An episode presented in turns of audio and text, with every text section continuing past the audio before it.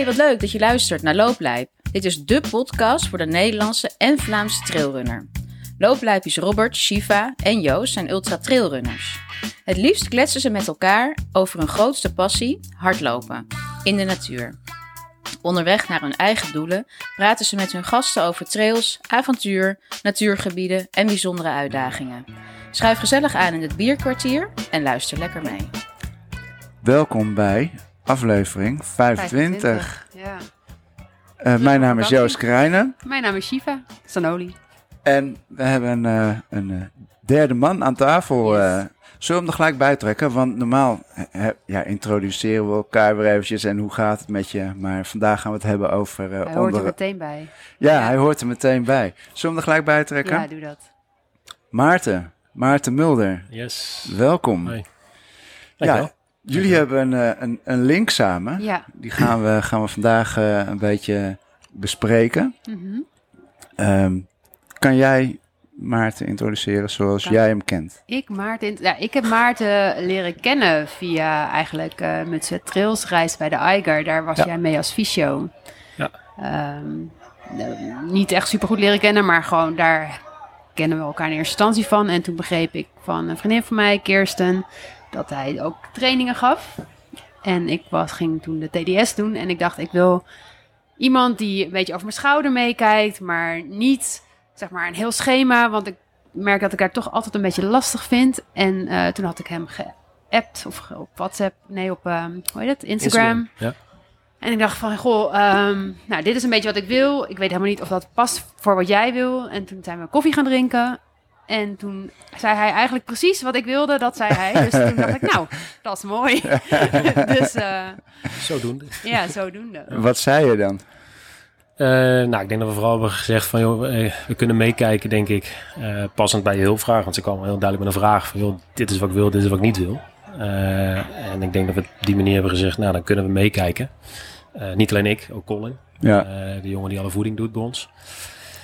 En ja, toen kwamen we meer uit op het punt van... hey, laat ik eh, monitoren. En niet per se een heel schema programma maken... maar vooral monitoren, kijken hoe het gaat. En ehm, ja, de Stairmaster introduceren... Ja, die ze bij mij op de praktijk dan kon gebruiken... of in ieder geval de sportschool waar ik zit. En ehm, ja, zodoende.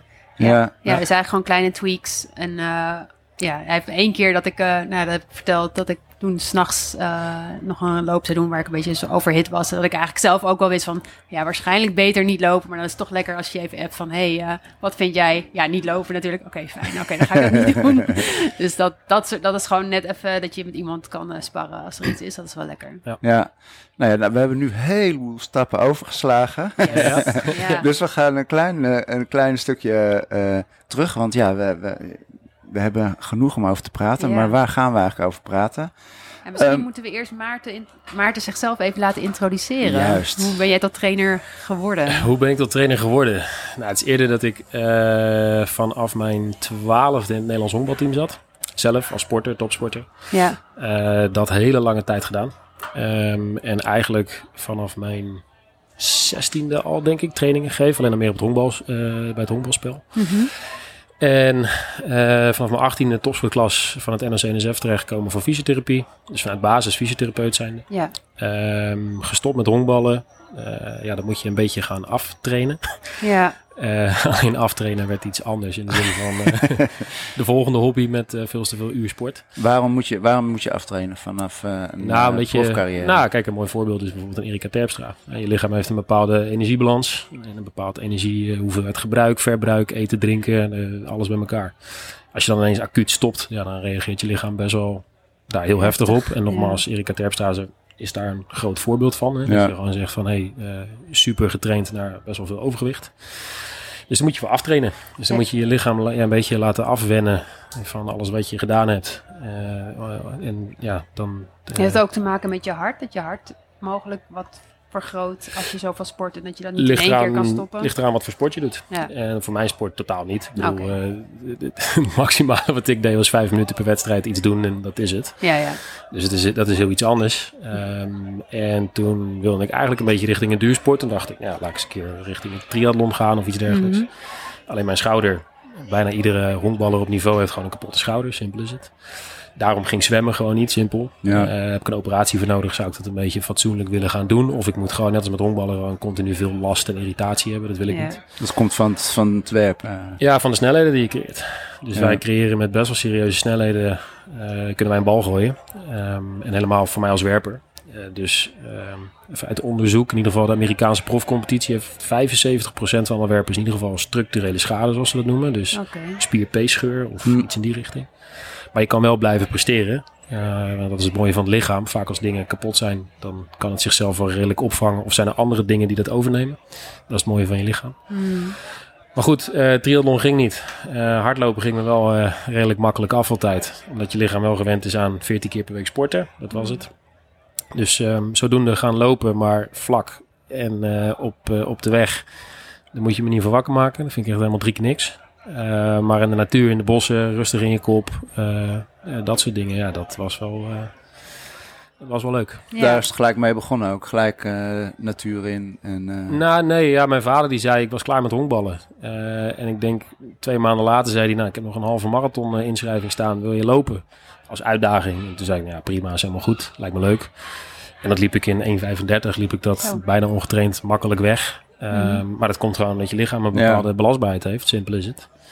En ehm, ehm, ja, nogmaals, de weg. Ik, daar vond ik gewoon geen fluit aan. Was in Amsterdam. eh, nou ja, rondje Amsterdam rennen. Ja, gewoon niet mijn ding. Ehm, en ik zocht wel iets meer dan dat. Ehm, dus dan gelijk de uitdaging inzoeken. En eh, dat begon eigenlijk op trailen, vlak hier in Nederland. Of ja, ik vind Nederland vlak. Ja. Ja. De trails. En natuurlijk, er zitten hier en daar, als je zegt eh Salland of eh, nou ja, iets in die richting, zeggen ze er zitten hoogtemeters in. Maar voor mij is dat nog steeds wel vlak. Ehm, en zodoende langzaamaan eh, meer en meer gaan opbouwen. En eh, ja, de uitdaging erin gaan zien. ja. En hoe lang is dat dan geleden dat je gestopt bent met... eh, Tien jaar geleden. Tien jaar geleden, Ja. oké. Ja. En hardlopen eigenlijk nou ja, vlak daarna opgestart. Ja, hardlopen vlak daarna opgestart, maar wel gewoon met krachttraining erbij. Oh ja. Eh, kijk, met honkballen, ja, het was gewoon een hele andere vorm van training. Ik bedoel, je moet bedenken, dan is het gewoon heel zwaar squatten, deadliften, bankdrukken, dat soort dingen horen erbij. Nou, dat raak ik nu nooit meer aan. Nee. Totaal niet. Ehm, dus ja, dat is eh, eh, ja, hoe dat dan in elkaar zit qua, qua trainen. Ja. Dus heel iets anders. Dus ik heb dat eigenlijk een beetje afgebouwd. Samen met wat meer hardlopen erbij. Gewoon je lichaam in beweging houden. Hmm. Alleen het hardlopen werd meer.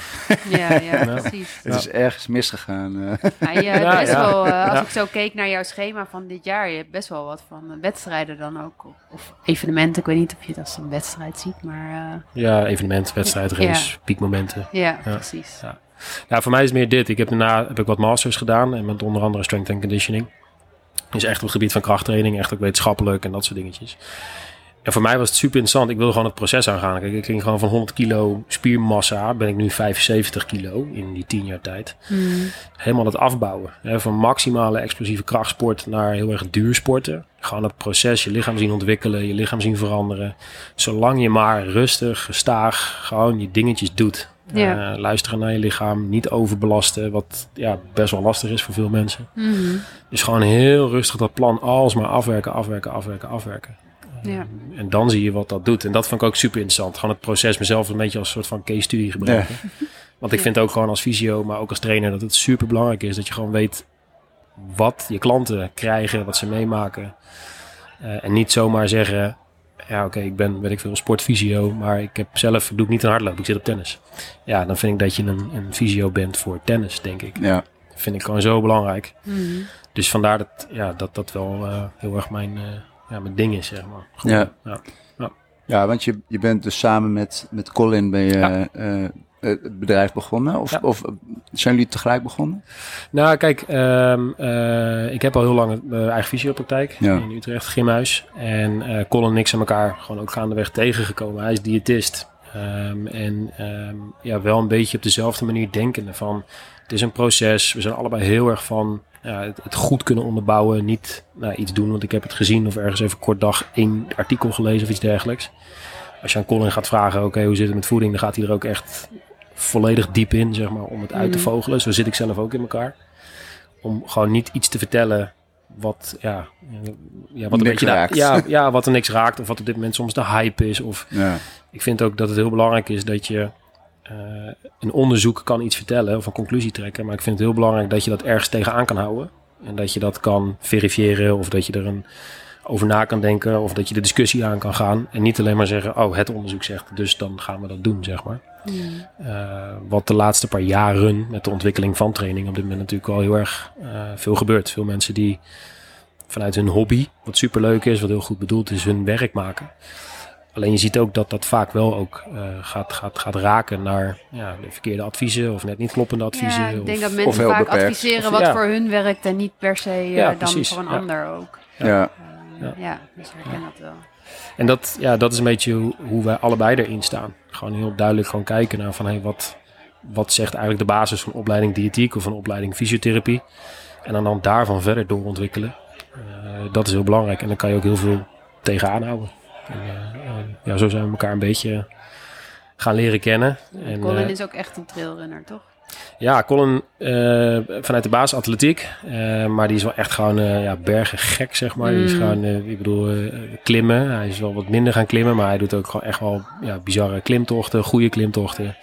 Maar ook gewoon knijterhard kunnen lopen. Zowel vlak als, eh, als in de bergen. Ja, dan heb je een Dus- intake met hem en dan zegt hij, oh ja, dit is mijn view.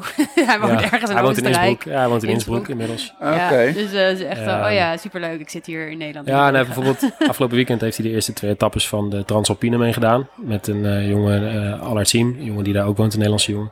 Ja, worden ze gewoon eerste, de tweede etappe. Oh wauw, ja. Weet je, dus dat, zo hard lopen ze, zeg maar. Oké. Super nice. Ja, ja, dat, dat, zijn, dat zijn wel. Eh, Ja. Ehm, Ja.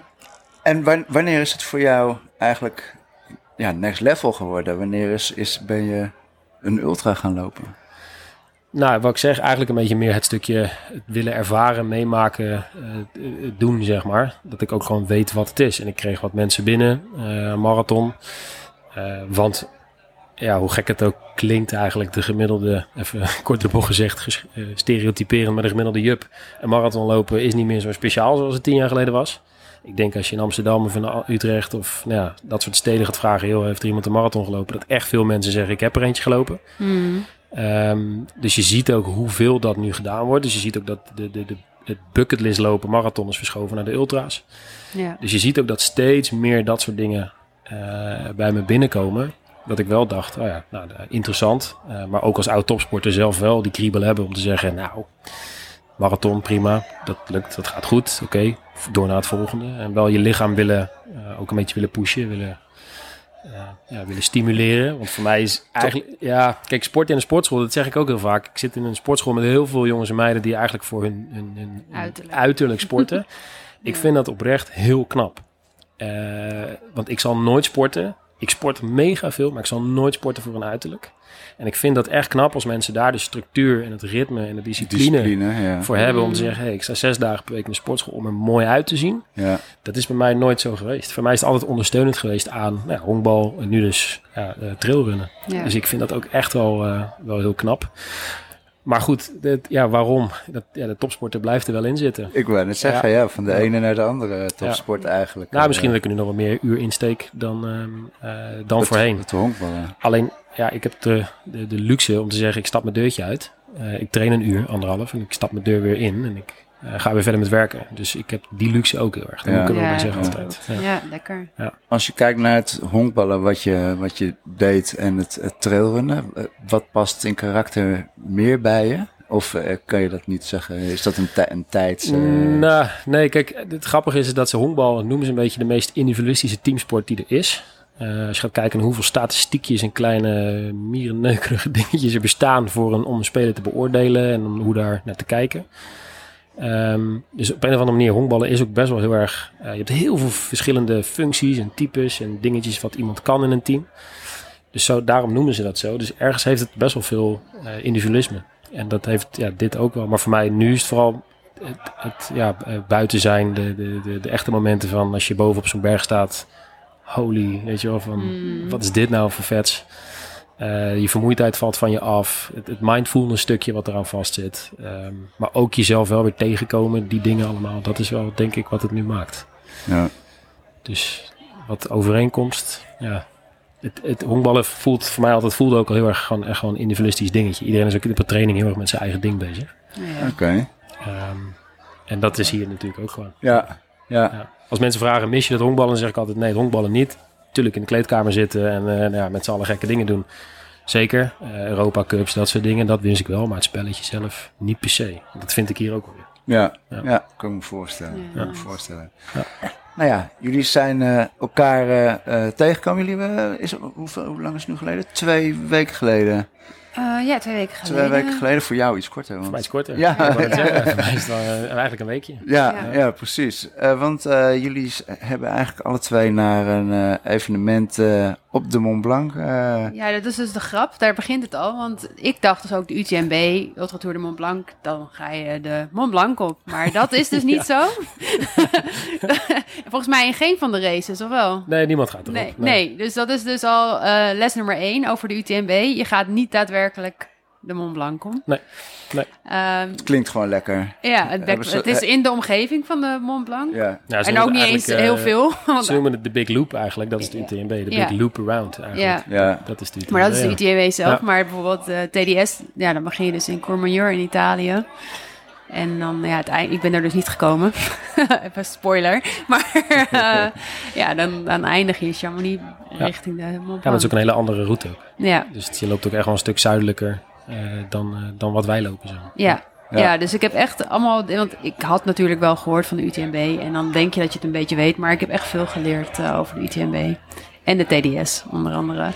ja, want laten we, laten we kijken wat jullie, eh, wat jullie individueel hebben gedaan. Shiva, Ja. wat heb jij gedaan? Nou ja, de TDS dus. Wat is de TDS? Ja, ik weet nooit... Misschien weet jij waar het voor staat. Ik vergeet, ik vergeet het altijd. Trail. Trill de vergeet het Frans, bla bla bla. Iets in het Frans. Eh, ja, nee, jij begint. ehm, want heel veel mensen dachten ook dat ik in het weekend al zou eh, lopen. Maar het begint dus op maandag eh, nacht. Eigenlijk tien minuten voor middernacht. Dus bijna Ja. dinsdag. Ehm, Is dit het eerste, de eerste race van het hele Nee. UTMB Nee. eh, eh, Nee. week, zeg maar? Nee. Welke is, de, PTO? welke is de opener? De PTO. de- toch? Ja. Ja, de PTL start om 8 uur s ochtends. Ja, ik. in de ochtend Ja. van de maandag. Dat, die is 300, zeg ik dat goed? Varieert. Ze wisselen per jaar namelijk van route. Maar in principe eh, ja, rond de 300. Ja. Ja. ja. Nou ja, en het is misschien wel goed om te vertellen dat uh, dus het weekend dat we daar... Uh, ik was er in de zaterdag al. Nou, er kwam al heel gauw het nieuws dat het uh, flinke stormen, winterse stormen werden verwacht. Dus uh, ik kwam inderdaad vanuit Genève met 30 graden zo voep, naar Chamonix. uh, nou was het op zich daar best nog wel oké. Okay. Uh, maar ja, het was dus al best wel snel dat ze zeiden... ja, het koude protocol gaat in. Dat betekent dat je allerlei extra dingen mee moet nemen. En uh, de nacht voordat we gingen starten, volgens mij, of op de maandag overdag, kregen we een appje van uh, de route wordt omgelegd. Want er ligt te veel sneeuw al bovenin, dat is te gevaarlijk.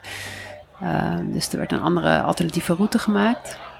Um, naar wat ik begreep, het gevaarlijkste stukje, volgens mij is het twee ja. jaar geleden daar iemand overleden ook. Ja. Dat werd eruit gehaald. Dat betekende wel dat de, de route langer werd. Het ging naar 100. 57, 53? 53. 53. En origineel is die 145. Ja. ja. Uh, dus nou ja, dus dat was wel allemaal wel spannend. Ook met inpakken. En uh, van, oh god, hoe krijg ik dat allemaal, neem ik allemaal mee? En uh, nou, laatst middag nog een poncho gekocht. Dat is echt mijn redding geweest. Aankoop van het jaar. Ja, ja, aankoop van het jaar. 15 euro bij de Intersport, geloof ik. Ja. Um, en dat was had ik eigenlijk gekocht omdat ze zeggen, ja, je moet uh, al best wel vroeg in het startvak staan. En ik dacht, als, daar al, als ik daar al koud ben, dan wordt het ja. best wel lastig starten. Ja.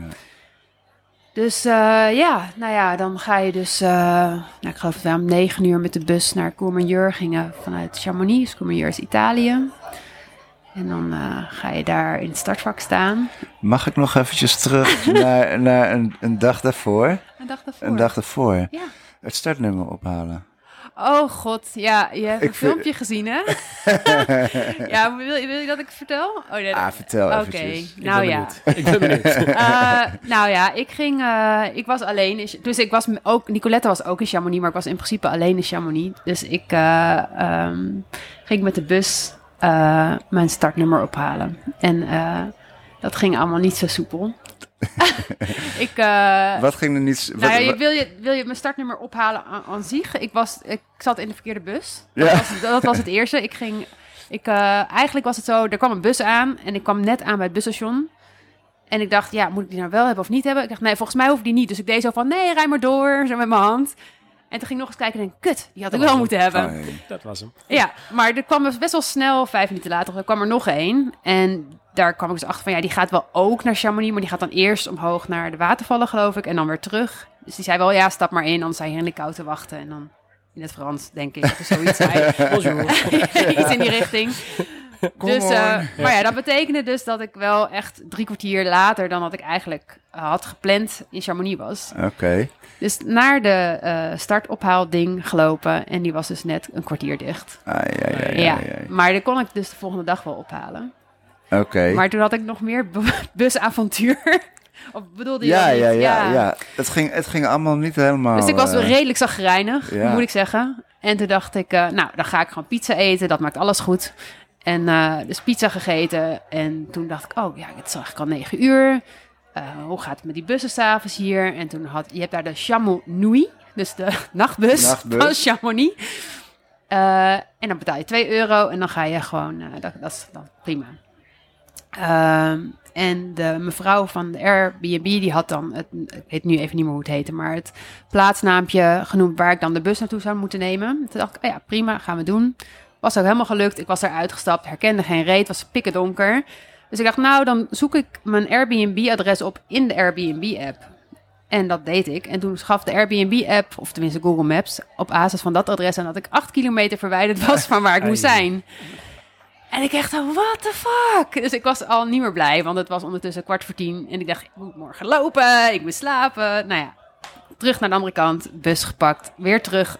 En ik dacht, nou, dan stap ik uit waar deze app zegt dat ik uit moet stappen. Toen stond ik daar en toen dacht ik, ja, ik herkende dus gewoon ook niet. Helemaal niks. En toen dacht ik, nou weet je wat, ik heb een keer hard gelopen naar, van mijn Airbnb naar Chamonix. Laat ik eens op Komoot kijken waar ik dan eigenlijk zit. Zat ik dus de eerste keer wel goed. Alleen het adres in die Airbnb-app klopte niet. Dus toen dacht ik, ja, en nu, ik kon echt wel janken, eerlijk gezegd. En uit een soort reflex, er kwam een auto aan en deed ik zo van, lift, neem mij mee. en toen die auto, die stopte echt met piepende remmen. Dus ik dacht, oh kut, straks gaat hij me vermoorden. Maar toen waren, het was een heel lief oud stel. Of tenminste oud, ja weet ik veel, 60 plus. En eh, geen woord Engels. Ik uh, en, uh, geen uh, Frans, echt uh, je ne pas, I don't know. en, uh, maar ja, met handen en voeten hebben ze mij helemaal thuis gebracht. Oh. Mijn Komoot-app aan en hier moet ik heen. en, uh, Oh, super lief. goed, Ja. ja. dus uiteindelijk was ja. ik geloof ik om 11 uur thuis. Echt maar, ja. Dus dat was mijn, uh, mijn busavontuur. Zo, ja. Nou, dan zit je stressniveau best wel, best Ja, wel toen ik eenmaal thuis was, kon ik er wel weer om lachen. Maar toen ik daar stond, vond ik het echt niet leuk. Nee. Ja, dus dat was uh, zondagnacht. Ja, nou ja, Oh, maar maandag uh, mijn startnummer gewoon goed kunnen ophalen. Je hebt hem gehad, gehaald. Ja. en je mocht ja, dus dat ging eigenlijk helemaal goed daarna. Maar Hoe- goed. Hoe, hoe stond je aan de start? Want je had, je had eh, eh, getraind samen met, eh, nou ja, onder begeleiding van, eh, van Maarten. Ja. Ehm, hoe, hoe, hoe zag het trainingsprogramma eruit om überhaupt al aan de start te gaan staan? Ehm, nou ja, ik had niet echt een trainingsprogramma, want ik deed eigenlijk gewoon wat ik zelf leuk vond. Ja. Daar kwam Zij het kwam eigenlijk al bij me binnen van... ik wil eigenlijk niet, eh, niet, Ja, niet te veel structuur. Nee, ik wil Eh, gewoon... Dit is wat ik wil. Ja. Toch? Ik wil kunnen Ja, ja. fietsen. Je had crossfit. eh, Ja. eh, ik wil mijn loopjes kunnen blijven doen. Bolderen, dingen, Wat zei je? bolderen? Oh, bolder, ik zeg Ja. boer. Ik denk, nou ja zeg. Het mag, hè? Het mag gewoon hier. hè? Dat- Nee, ja, nee, ik zei, ja, dat was eigenlijk wat ik zei. En eh, ik, nou ja, ook over CrossFit bijvoorbeeld, dat ik kan daar zelf ook wel over bedenken van, ja, dat is niet heel eh loopspecifiek, misschien als krachttraining, maar ik denk dat het me wel helpt als krachttraining. En ja, daar kon Maarten ook zeggen van, ja, nou, ik- hè, als je heel bewust die keuze maakt, er zijn natuurlijk oefeningen die je specifiek kan inzetten. En hij- je hebt wel wat tips gegeven over wat ik dan niet te zwaar en ga niet helemaal kapot. En eh, nou ja, dat heb ik ook echt wel eh, gedaan.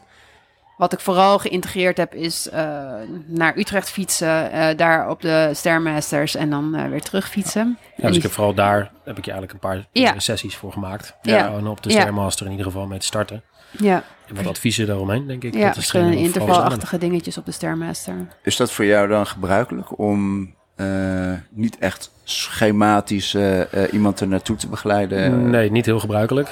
Ehm, maar ja, ze kwam heel duidelijk met de vraag. Maar het- fijne daarvan ook is, is heel vaak merk ik dat ik dan vaak een beetje de strijd aanga met iemand. Van hey, wat wil je? Wij zaten eigenlijk heel rustig op een lijn dat ze zei, ja oké prima, geef een paar adviezen of maak zo'n Stairmaster programmaatje. Prima, ga ik dat doen. En de rest doe ik lekker zelf invullen. Ja, Dus daar was ook niet een bepaald soort. Ik merkte ook niet een bepaalde weerstand voor die dingen. Ze zei van hey, de adviezen die je komt, waar je mee komt, super. ja, eh, ga ik toepassen. En heel vaak is dat dus niet het geval. dus daarom zei ik nu, oké prima, dan is het. Dan eh, gaan we- dan Ja. gaan we het wel doen. Ja. Dan is het ook goed. Ja. Ja. Ja. ik denk dat voor ons allebei gewoon heel duidelijk Het waren was hele bewuste meteen. keuzes. Ja, wat ik wel en wat ik niet wil. En dat, nou ja, Ja. prima, weet je wel. En eh, ja, ook wel een paar keer, hoeveel uur ben je dan... Nou, Hours on your feet, daar hebben we het over gehad. Een aantal Ja. keer van, hè, wat, wat, ja. Dus dat, ja, dat was denk ik vooral... eh, Ja. Weet je, en, en voeding, dus met Colin is echt wel intake Ja. gehad en daarover gehad van... eh, eh, dat ik wat meer voor een training en na de training wat, wat meer proteïne en nou ja, zo nog wat dingetjes Ja. die ik wel heb aangepast. Heb je daarin veel moeten veranderen in wat je deed? Nee, eigenlijk niet. Ik deed eigenlijk best wel oké. dat is wel mooi. Het is ook wel weer bevestiging dat ik Ja. ja. best wel dingen wel oké doe. En ja, ik denk wat heel erg heeft geholpen voor mij is ook dat ik ken mijn lichaam gewoon best wel goed. Doe al veel jaar veel zonder dat ik echt over, overbelast word of geblesseerd raak. Dus ja, ik denk dat dat wel helpend is. Nou ja, je hebt natuurlijk al, eh, komen we zo ook eh, nog even op, maar je hebt natuurlijk acht jaar achter elkaar eh, elke dag Ja. gelopen. Daar ga je je lichaam ook wel door, door Ja, kennen. zeg onder andere. Ja, en gewoon echt een leven gesport. Echt altijd wel actief geweest. Ja, Dus ehm, ja. Scheelt een stuk. ja, dus Ja. het was niet moeilijk om, eh, om te begeleiden. Nou, nee, wat ik zeg, ik, ik denk dat de keuzes heel bewust waren. We hebben gewoon een heel duidelijk open gesprek erin gehad. En ik denk dat als dat er is, eh, heel veel mensen hebben heel veel weerstand. Want hetgene wat ik vaak doe, is vaak ook niet per se heel leuk. Wat ik zeg, kijk, een trailer wil eigenlijk liefst de bergen in, of in ieder geval de bossen in en buiten. Terwijl, ja, een bergtrail kom ik snel in Nederland toch uit op wel dingen op een loopband gaan doen, op een stairmaster gaan doen. Dus dingen die veel mensen niet leuk vinden, is vaak weerstand op. Dus dat is altijd al wel heel lastig. En ja, jij pakte dat eigenlijk heel goed op. Dat je zei van nou oké prima, laten we dan in ieder geval één keer per week zoiets integreren op de momenten dat Ja. kan. En eh, ja, dan is het, dan is het goed. Ja. Ja. Ja. Ook al vond je het niet leuk. vond Je- het verschrikkelijk. Nee, het werd echt, maar het werd gewoon mijn vrijdagmiddag het ding. Ja, dan Ja. ging ik daar gewoon heen. Ja, je kan wel altijd eh, vrijdag een beetje Ja, einde van de vrijdag, ochtend, dus dat is dan gewoon... eh, ja. Dus dat, is, dat was het. En hoe, hoe ver van tevoren zijn jullie samen begonnen? Ja, eigenlijk heel kort. Ja, want ik wist ja. natuurlijk pas drie maanden van tevoren dat ik überhaupt dit ging doen. Ja, Eh, en het heeft denk ik nog wel misschien een maand geduurd voordat ik eh, Ja, had bedacht. voor het eerst, dat je eind mei, begin Ja. juni of zo, denk ik, met z'n tweeën hebben gezeten. Ja, dus het was eh, wat, wat dat betreft wel wat kort. En dat, ja, nou, ik zei Ja. tegen jou eerder al, als ik weer zoiets zou doen, dan zou ik dat al langer. Ik denk dat het me echt wel nog meer had kunnen brengen als ik het eerder was gaan doen. Ja. ja. Was Ja. dat wat jou betreft ook eh, eh, beter geweest om, om Ja, er zeker. eerder bij te zijn? eh? Ja, Ja. ja. als je mij vraagt over standaard programma's, ook als je bijvoorbeeld hebt over een marathon, noem maar even iets, wat tegenwoordig een zes maanden programma is, ja. is veel te kort. Ben ik heel eerlijk in. Li- afhankelijk van waar je vandaan komt misschien. Nou, zelfs, zelfs voor veel ervaren lopers merk ik eigenlijk al veel lopers komen bij ons binnen met bijvoorbeeld overbelasting, eigenlijk al overtraindheid. Eh, te veel maken, te veel doen. Ehm, en mijn ervaring is gewoon best wel snel een zes maanden programma, goed gedreven programma. Zes maanden is gewoon echt wel heel erg kort. Tuurlijk, als iemand bij me binnenkomt en zegt, joh, ik heb al, eh weet ik veel, tien keer een ultra gelopen. Dan kunnen we daar op een andere manier naar gaan kijken. ja. Maar eh, vaak zien we dat mensen of al overtraind zijn. of dat die programma's best wel heel erg aan de korte kant zijn voor de beginnende lopers. Ja. Ja. Hoe ga je daar dan mee om als overtraind binnenkomen? Dan ga je ze eerst een rustperiode geven? Nou, kijk, of, eh, vaak al, en dat heb ik eigenlijk bij jou ook al gedaan, is denk ik, eh, het eerste wat wij vaak doen is al eens een keertje kijken waar staat iemand. En bijna altijd het eerste wat ik moet doen is remmen. Ja, Dat is het eerste wat ik moet doen. Ehm, en zelfs mensen die bij me binnenkomen die eh, een medische achtergrond hebben. Ik heb artsen gehad, ik heb fysiotherapeuten gehad. Die zelfs dan al nog een beetje soort van de weg kwijt zijn en zeggen: hé, hey, maar wat moet ik nou eigenlijk doen? Of ik heb toch een klacht en die klacht duurt zo lang. Eh, dat ik denk, ja, het is, ja goh, het is heel, niet zo heel gek als die klacht zo lang duurt, zeg maar. En dat, Nee. Maar dat is ook eigenlijk een van de dingen die ik bij jou ook al gedaan heb. Ja, is een beetje remmen. Zo van, joh, ook, geef, eh, haal, wat, haal er wat vanaf. Ja, omdat Ja. ik, ja, nou ja, wat mijn eerste reflex een beetje was toen ik wist dat ik dit ging doen, dan dacht ik, ik moet heel veel doen, want Ja, ik moet ja. straks 150 kilometer lopen. Een, is ook een natuurlijke eh, Dus dan ging ik meteen twee keer in de week eh, eh, kracht en Ja. verder fietsen. En, en toen was ik inderdaad, toen ik bij hem kwam, wel, eh, toen bij Maarten, dacht ik, ja, ik ben eigenlijk best wel moe. Ja. Ja. En zei, ja, misschien moet je toch gewoon iets minder doen. Ja. Maar ja, oké, oké. Maar je had geen, je had geen overbelasting in spieren Nou, nee, ik denk eh. niet dat ik echt per se overbelast was, maar ik merkte gewoon al wel van, ja, ik, dus misschien, ik, ja, het is gewoon even, misschien iets rustiger aan eh, Ja. opbouwen. Ja. Ja. Ja, maar dan was dat, ja, wij horen dat ook gewoon zoveel. Gewoon mensen die eigenlijk structureel, Colin ziet dat structureel te weinig eten. Uh, dat is best wel een ding en dat wordt langzaam ook wel wat groter in de media naar buiten gebracht. Dat heet uh, REDS, uh, Relative Energy Deficiency. Is dat we gewoon echt zien dat mensen gewoon structureel te weinig eten. Veel vrouwen hebben dat, die dus gewoon ook, en dat is echt geen, geen gek iets in dat opzicht. In de zin van, we zien het best wel vaak vrouwen bijvoorbeeld die gewoon geen menstruatie meer hebben, geen cyclus meer hebben, dat soort dingen. En dat komt in de trailwereld echt wel heel erg veel voor. Uh, zelfs opbouwend tot uh, het krijgen, ontwikkelen van stressfracturen, dat soort dingen, die daar dus een, uh, eigenlijk ja, gewoon simpelweg een tekort aan voeding. Ja. Dat is gewoon echt een dingetje. Want echt, welke voedingsmiddelen mis je dan? Niet, per se, nee, niet per se voedingsmiddelen missen, maar gewoon te weinig calorieën binnenkrijgen. Okay. Gewoon te weinig eten. Zeg maar. ja. Dus gewoon te weinig voor je trainingen voeden, na je trainingen voeden. Soms misschien in veel gevallen ook wel tijdens je trainingen voeden. En we zien het best wel veel toplopers, loopsters. Waarvan ik eigenlijk altijd, dan krijg ik, ja, ik zag laatst nog een Noordfeest toploopster, een Amerikaans, die zegt, ja, kun je stressfracturen. En dan gaat bij mij wel vaak al een belletje rinkelen. En die kwam later zelfs al met uh, een, een, een, post naar buiten in de, in de social media, waarin staat, ja, ik heb te weinig gegeten de afgelopen tijd. Dat is eigenlijk ja. de diagnose geweest.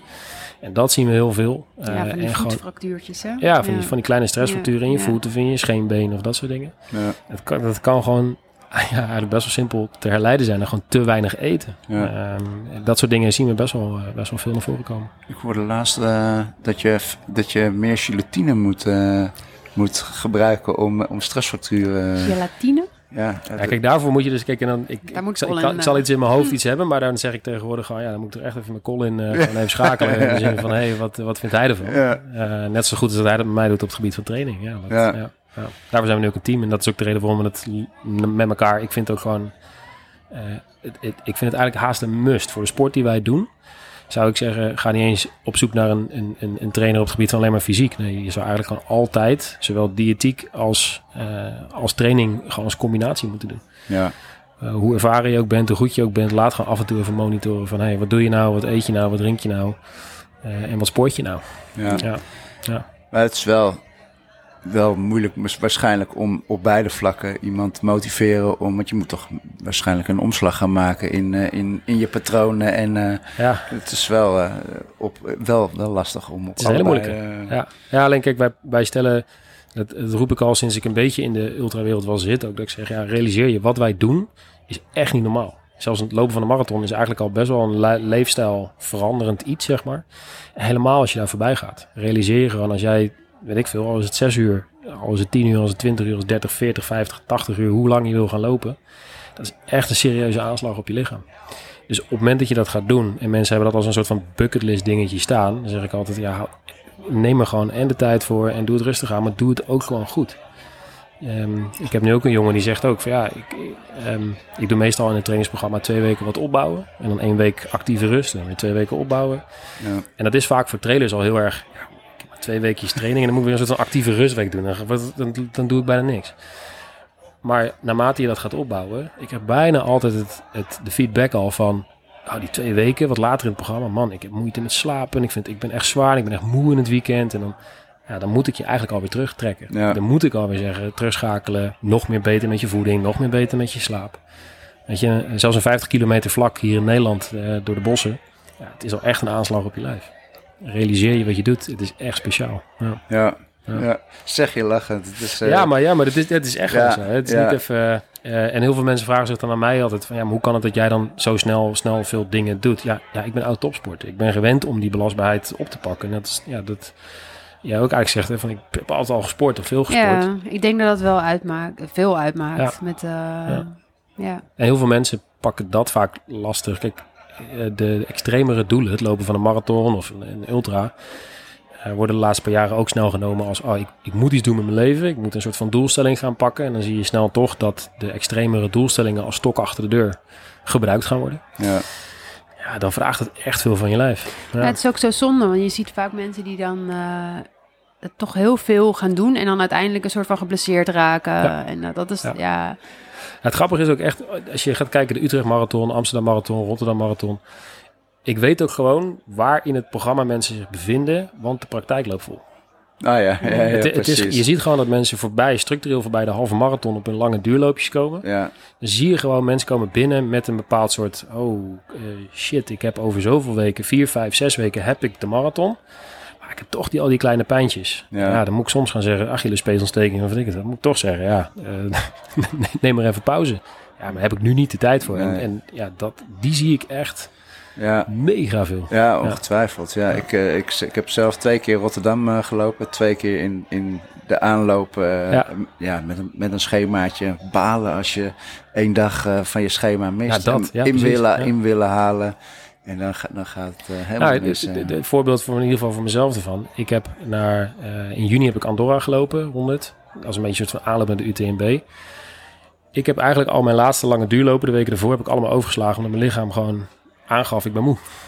En met die vier trainingen die ik heb gemist, ga ik die wedstrijd niet winnen of verliezen of Nee. uitlopen of niet. Dat maakt geen fluit uit. Nee, Ik heb er 6, 7, 8 jaar voor gewerkt om dat op te bouwen.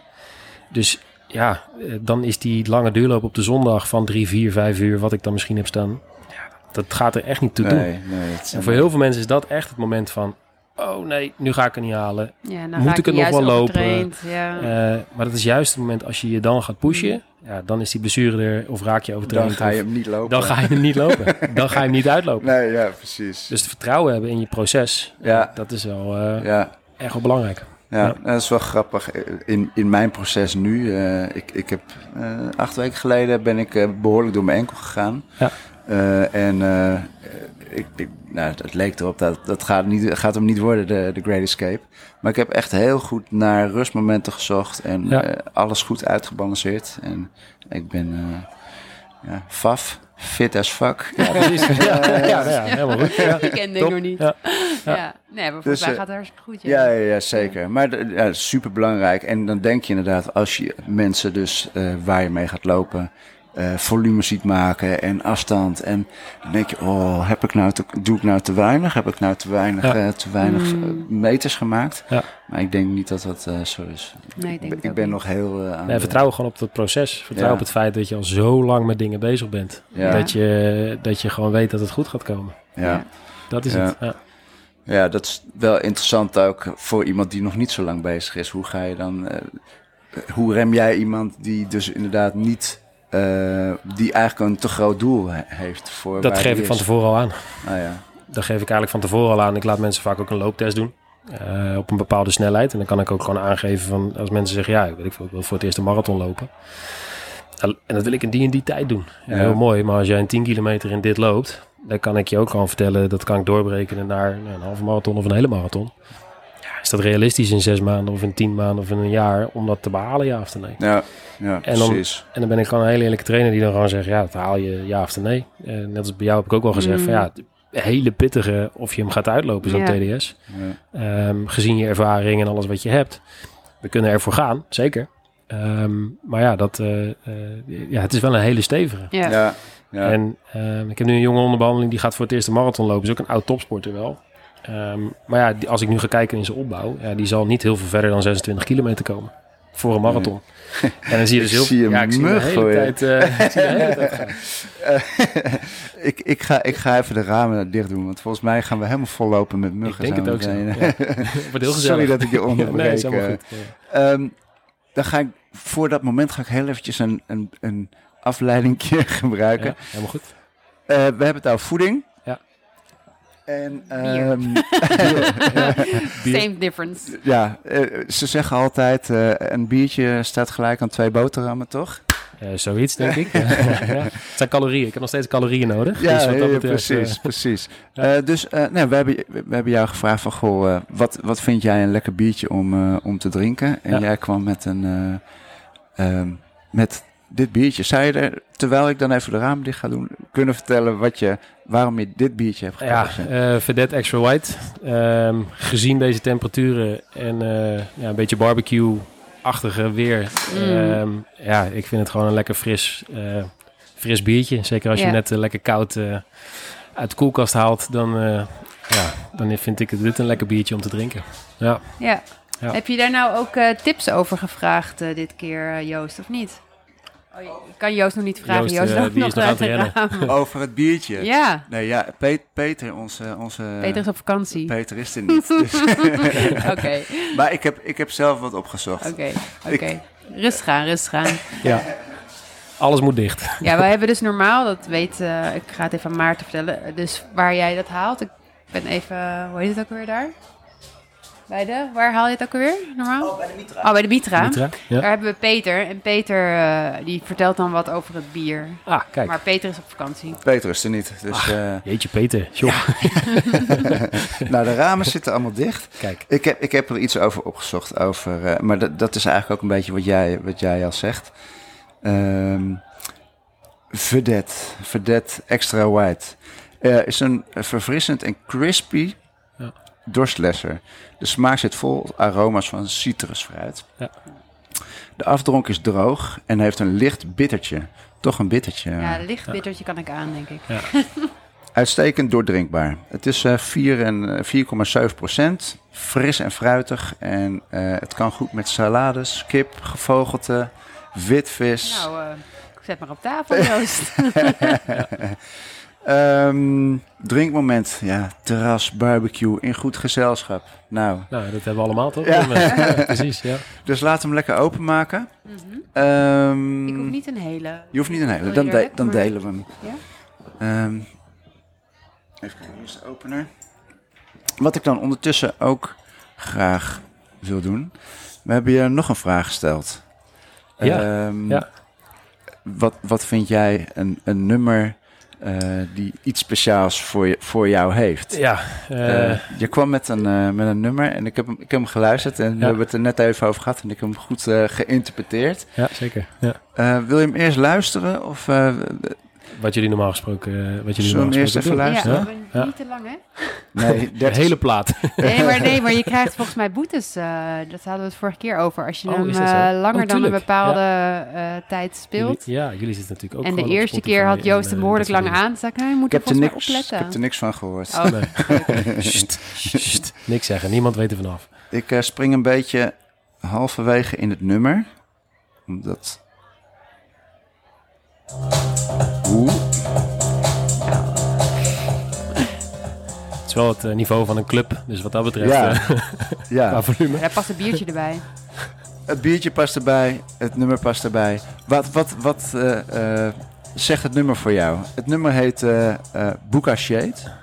Het is van Booker Shade. Oh, het is van Eh, Shade, ja, sorry. dat zijn de DJ's. Oh ja, eh, in White Rooms. In White Rooms, ja. Ehm, nou, ja, wat ik jou eigenlijk, ja, ja, we hebben het al een beetje over gehad, maar ehm, ik ben ook vroeger best wel veel van het, eh, gewoon het Amsterdamse clubleven geweest. Zelf ook wel gedraaid. Eh, nog steeds heel, af en toe nog wel eens. Eh, vooral thuis nu nog, platen, dat soort dingen. En dit was een plaat, Booker Shade zagen we spelen op Five Days Off. Dat is eigenlijk een beetje de, ja, de voorloper van ADE. Dat was toen de tijd nog in Amsterdam best wel een, mooi festival, zeg maar, in de, in de nacht. En nou, hoe oud was ik? 16, 17 denk ik. Eh, voor het eerst echt een beetje de club in. En, ehm. Toen eh, kwam je nog binnen. toen kwam ik binnen. Met die leeftijd. nu En niet deze, meer. nee, nee, nee, nee. Toen, toen prima, dat was helemaal geen probleem. En deze plaat, ja, het, het was voor mij gewoon ja, een beetje een soort van eerste clubmomentje. Dus dat is wel iets wat in mijn leven een dingetje is geweest. Ook vanwege de andere hobby. Maar tegelijkertijd ook in de, de opbouw van deze plaat. Hij gaat de hele tijd, hij bouwt ietsje op, gaat weer af, bouwt weer op, gaat weer wat vanaf. En zo blijft hij steeds verder bouwen. Ja. eh, tot het laatste puntje. Maar dat vind ik ook wel heel mooi procesmatig bij deze sport. Ja, precies. Dat past natuurlijk helemaal bij hoe jij eh, de sport eh, benadert eh, eh, in je bedrijf, maar ook voor jezelf, denk ik. Ja, zeker. Ja, ja, gewoon rustig procesmatig dingen opbouwen. Ja, ja. Ja. ja. Ja. Nou lekker nummer. Ik moet hem uitzetten Ja, van. Shiva. Zet hem uit. Zet hem uit. Kijk uit. Ja, het zijn gewoon volgens mij een soort van eh, bots die dat scannen op een gegeven moment. Ja. Dus als je, ja, je kan echt wel... Ja, ik weet wel, voor Instagram en zo heb je dat wel heel erg, dat er echt wel serieus naar gekeken wordt. Of je YouTube, dat, dat zijn Ja, gewoon ja. eh, hele apps die dat volgens mij eh, checken. en Zo. Ja, Ja. zeker. Nou, ik hoop Ja. dat we er, eh, dat we er wegkomen. mee wegkomen. maar. Eh, ik denk ook, ja, je, je nummer wordt gedraaid. eh, dat is toch alleen maar mooi. eh. Ja, maar ik denk niet dat de artiest het per se doet. Dit is zijn, heeft hij van die organisatie die daar dan Ja, dit is gewoon uh, halen. Stemraad? Ja. Dat, Ja. dat doet. Ja. ja. Ehm, hij staat op de, op de playlist. We hebben Ja, een leuk. looplijp playlist, dus eh, daar staat hij op. Dus ja, Ja. Mooie toevoeging. Proost, proost jongens. Proost. Allen en dame. Zo. Proost. Ja. Lekker op de Ja, hij ruikt wel lekker. In ieder geval niet zo Dus zwaar. ik vind het een heel fris, eh, Ja. Lekker biertje. Ja. fruitig ruik je ook, de citrus. Nou, deze kan ik wel prima drinken, ja. Hmm. Ja, die kan ik hebben. Nou, je hebt er nog een, eh, je hebt nog een half... Eh, Nee, nee, ik hoef niet meer dan een halve. Nee, nee, nee. Ik vind het wel ook lekker gewoon bij een, eh, een kippetje op de barbecue. Of wat je zelf zegt, gewoon een goede frisse salade. ja. Eh, in de zomer is dit wel Ja. erg lekker. Ja, ja je, je zei al, je bent echt wel, eh, je zoekt de, de alcohol niet per se op, maar in, eh, in Nou, met combinatie goed met eten zeker. dan, eh, ja. Ja, ja. ja, daar past hij, past hij goed bij. Hè? Het is een Ja. lekker, lekker fris biertje. Lekker zomers. We geven er altijd een, eh, een, een cijfer aan. Spannend. Ehm, een cijfer tussen, van 1 tot met 5. Oké, oké. Ehm, zou, jij willen, zou jij willen aftrappen met een eh, cijfer? Wat, wat zou jij hem kunnen geven? Ja, dat vind ik dus lastig, want wat eten we erbij? Ja, precies. Nou, kip en salade zei je net. Nou ja, Ja, nee, maar, dat, maar, zo, maar zo doe ik dus met heel veel dingen dat ik dan altijd denk... Ja, weet je, als ik dus rood vlees eet, zou ik dit dus nooit erbij drinken. Dan zou ik Nee. 1 geven. ja. Weet je wel, dus dat is altijd een beetje zoeken. Dus ja. voorbij een kippetje zeg ik het. Een 4, 5, eh ja. Nou ja, we zijn uiteindelijk zijn we in de rubriek, het bierkwartier, zijn we op zoek naar Het- finish. het beste finishbiertje. Oh ja. Zou jij deze als finishbiertje zien, zonder kippetje of... eh, Ja, dan kan ik hem ook nog wel... Ja, dan kan ik dit wel, eh, wel een 4 geven, denk ik. Ja, ja? ja. Kom ook wel een eind. Doe je dat, een, een finishbiertje, na, nou ja, na het behalen van een, eh, van een mooie trail? Nee. Nee? Nee. Nee, kijk, als ik, als ik even terugdenk dan na eh, vorige week eh, zondag, dan eh, moet ik niet denken aan een biertje. Nee. nee, Nee. echt niet. nee. Vind ik een koude cola lekker, maar dit... eh, Sowieso, hoe laat finishte jij? eh, hè? nee, drie, vier uur 's middags. Oh, oké, ja, ja. Dat is wel Ja, biertijd. Gaan we zeker biertijd, maar eh, na al die uren lopen zeg ik het goed. En, ja, en ja- jij, jij bent ook niet echt een bierdrinker Nee, na, na, na- een trail drink ik eigenlijk nooit. Eh, maar ik heb wel zeg maar een soort van finish biertje een dag later gedronken. Zo Oh, ja. toch een soort van te vieren. Van, nou ja, ik ben dan, eigenlijk was het een niet finish biertje. Ik had hem ook gepost. en ik was natuurlijk niet gefinished. Maar eh, ik heb wel een, volgens mij was het ook een Mont Blanc biertje daar, blond. Die was ook echt lekker. ja. Maar dit, ja, deze kan ik goed hebben. Ja. Dus ik, eh, ja, ik geef altijd te hoge cijfers als ik iets lekker vind. Vinden jullie? maar ik zou Nee, nee, nee, nee, ja, nou ja, dit niet. is wel een vier voor mij. Ik vind dit wel echt een lekker biertje. Ja. Ja, ja. Nou ja, ik vind hem ook heel erg lekker. En zonder, zonder eten vind ik hem eigenlijk ook heel erg lekker. Ja. Dus ik ga, ga ik mee naar een vier. Ja, Ik ben- zeker, ik Vind je hem verfrissend genoeg voor na een voorbij een finish? Ja, voor een finish biertje die wel ja, eigenlijk en is, het een, eigenlijk is het wel een heel erg goed finishbiertje. Mhm. Licht, verfrissend. Ja, als ik hem echt naar een finish eh, zou verplaatsen, zeg maar, dan, dan scoort hij eigenlijk best wel hoog. Ja, Dan wordt het inderdaad een vier. nou, Ja. eensgezind. Zo, nou. Zo, Doe maar. kom niet Ja. vaak voor. Dan komt, komt hij op de, op de bierkaart eh, van, eh van Looplijp. eh. Dat is mooi. Ja. Ehm, dank je voor het, eh, voor het inbrengen van, Ja, van, dit, eh, van dit biertje. Ehm, orde van de dag. Ja. ja, we gaan verder. Ja, we gaan Ik verder. vind toch eens wat over de race vertellen, over het evenement. Ja, Ja. ja. Ehm, ja, jullie hebben allebei hebben jullie een, eh, hebben jullie het evenement op een andere manier beleverd, eh, beleefd. Ja, Eh, andere race gelopen. Ja. Ehm, Ik denk dat we eerst naar Shiva gaan, omdat zij dan als eerste eh, gestart starten is. ook. En Nou, ik denk Vind dat het wel wel grappig om te zien is, of om te luisteren is in ieder geval, vind ik, van hoe je de week anders beleefd hebt. Want jij hebt natuurlijk, je bent al eh gefinished en dan moeten alle festiviteiten nog beginnen. Ja, nou, ik en vond voor het mij is eigenlijk natuurlijk heel dat ik stom. het laatste... Ja, ja, ja, nee, ik ja. vond dat dus echt heel stom. Ja. Eh, want ja, nou, je hebt de PTL die is dan al gestart. De TDS die start dan op maandagavond. Dan, en het hele village, zeg maar, is nog dicht. Die moet nog opgebouwd worden. Die is er Ja. gewoon nog een soort van niet. Ja. Ehm, en dat, daarmee is misschien ook wel, dat is misschien een mooi stapje daarheen, dat de PTL en de TDS zijn eigenlijk niet helemaal van de UTMB. Ze zijn wel van de UTMB, maar het is een soort van side-event. En dat, dat voelt ook wel zo, vond ik. Ja. Eh, waar merk je dat aan dan? nou ja, bijvoorbeeld dat alles nog dicht is. Ja. Eh, zeg maar, ik wilde eh, eigenlijk al nog wel kijken voor eh, een shirtje kopen of zo. Voordat ik... eh, ik wou een extra derde laag kopen om in mijn dropback te doen. omdat het cold protocol was ingaan. Dat kon gewoon niet daar. Ik ben er bij Intersport geweest of bij de Otlo daarnaast. Maar ja, alles is gewoon nog dicht. Nou, dat vind ik best gek als je eigenlijk al twee dagen alles daar ook, ja, er zijn ook 1600 mensen die die TDL lopen. En ik weet niet hoeveel met de. Ja, ja dus ja, dat het begint, het festival begint eigenlijk pas op de maandagavond een beetje, terwijl wij dan al liepen.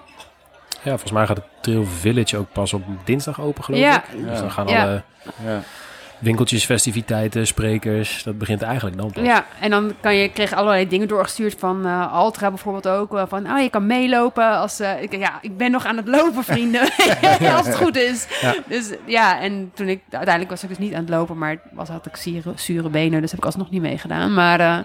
ja. eigenlijk begint alles als jij nog, als wij, de TDS, nog bezig is. Ja. En, dat is misschien ook meteen een antwoord op sommige mensen hun vragen. Die zeiden, hoe kan jij nou in de TDL hebben, of TDS hebben ingeschreven? Je moet punten hebben. Nou ja, je moet dus wel inderdaad, uh, Maarten legt het al goed uit, een aantal uh, soort van uh, ranking hebben. Ja. Maar het is niet zo als bij de andere afstanden dat je moet meeloten. En, je hebt geen stones nodig. Nee, je hebt geen stones nodig en er is ook geen loting. Er is gewoon vol is vol.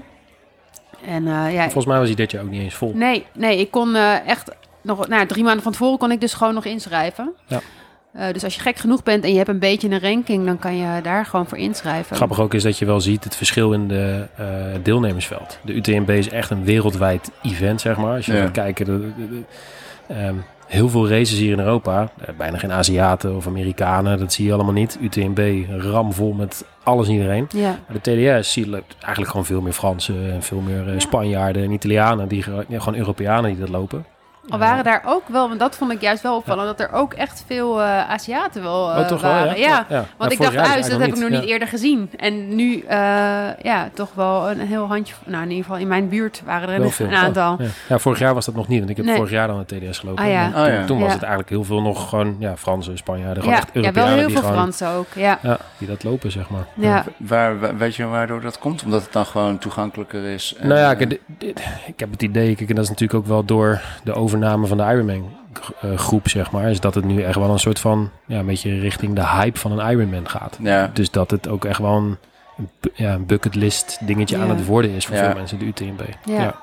ja. Ja, want mensen vroegen me echt van, ja, maar kan je daar niet voor een kortere afstand? Nee, ik zei nee. Want ik had eigenlijk, als ik zeg maar helemaal had mogen kiezen, dan had ik misschien ook liever de 100, de CCC uh, is dat uh, volgens mij de 100, ja. willen doen. Maar die, maar die keuze was er niet. Nou, dat zat ook al vol. En je moet dan inderdaad een bepaald, bepaald aantal stones hebben en, en loten. En, nou, ja, nou in principe heb je natuurlijk één stone nodig ja. om de loterij mee te doen. Maar... maar is het er niet zo dat je minder kans maakt? Je hebt gewoon minder kans. Ja, precies. Hoe meer stones, hoe meer kans. Hoe meer kans je hebt. ja. ja.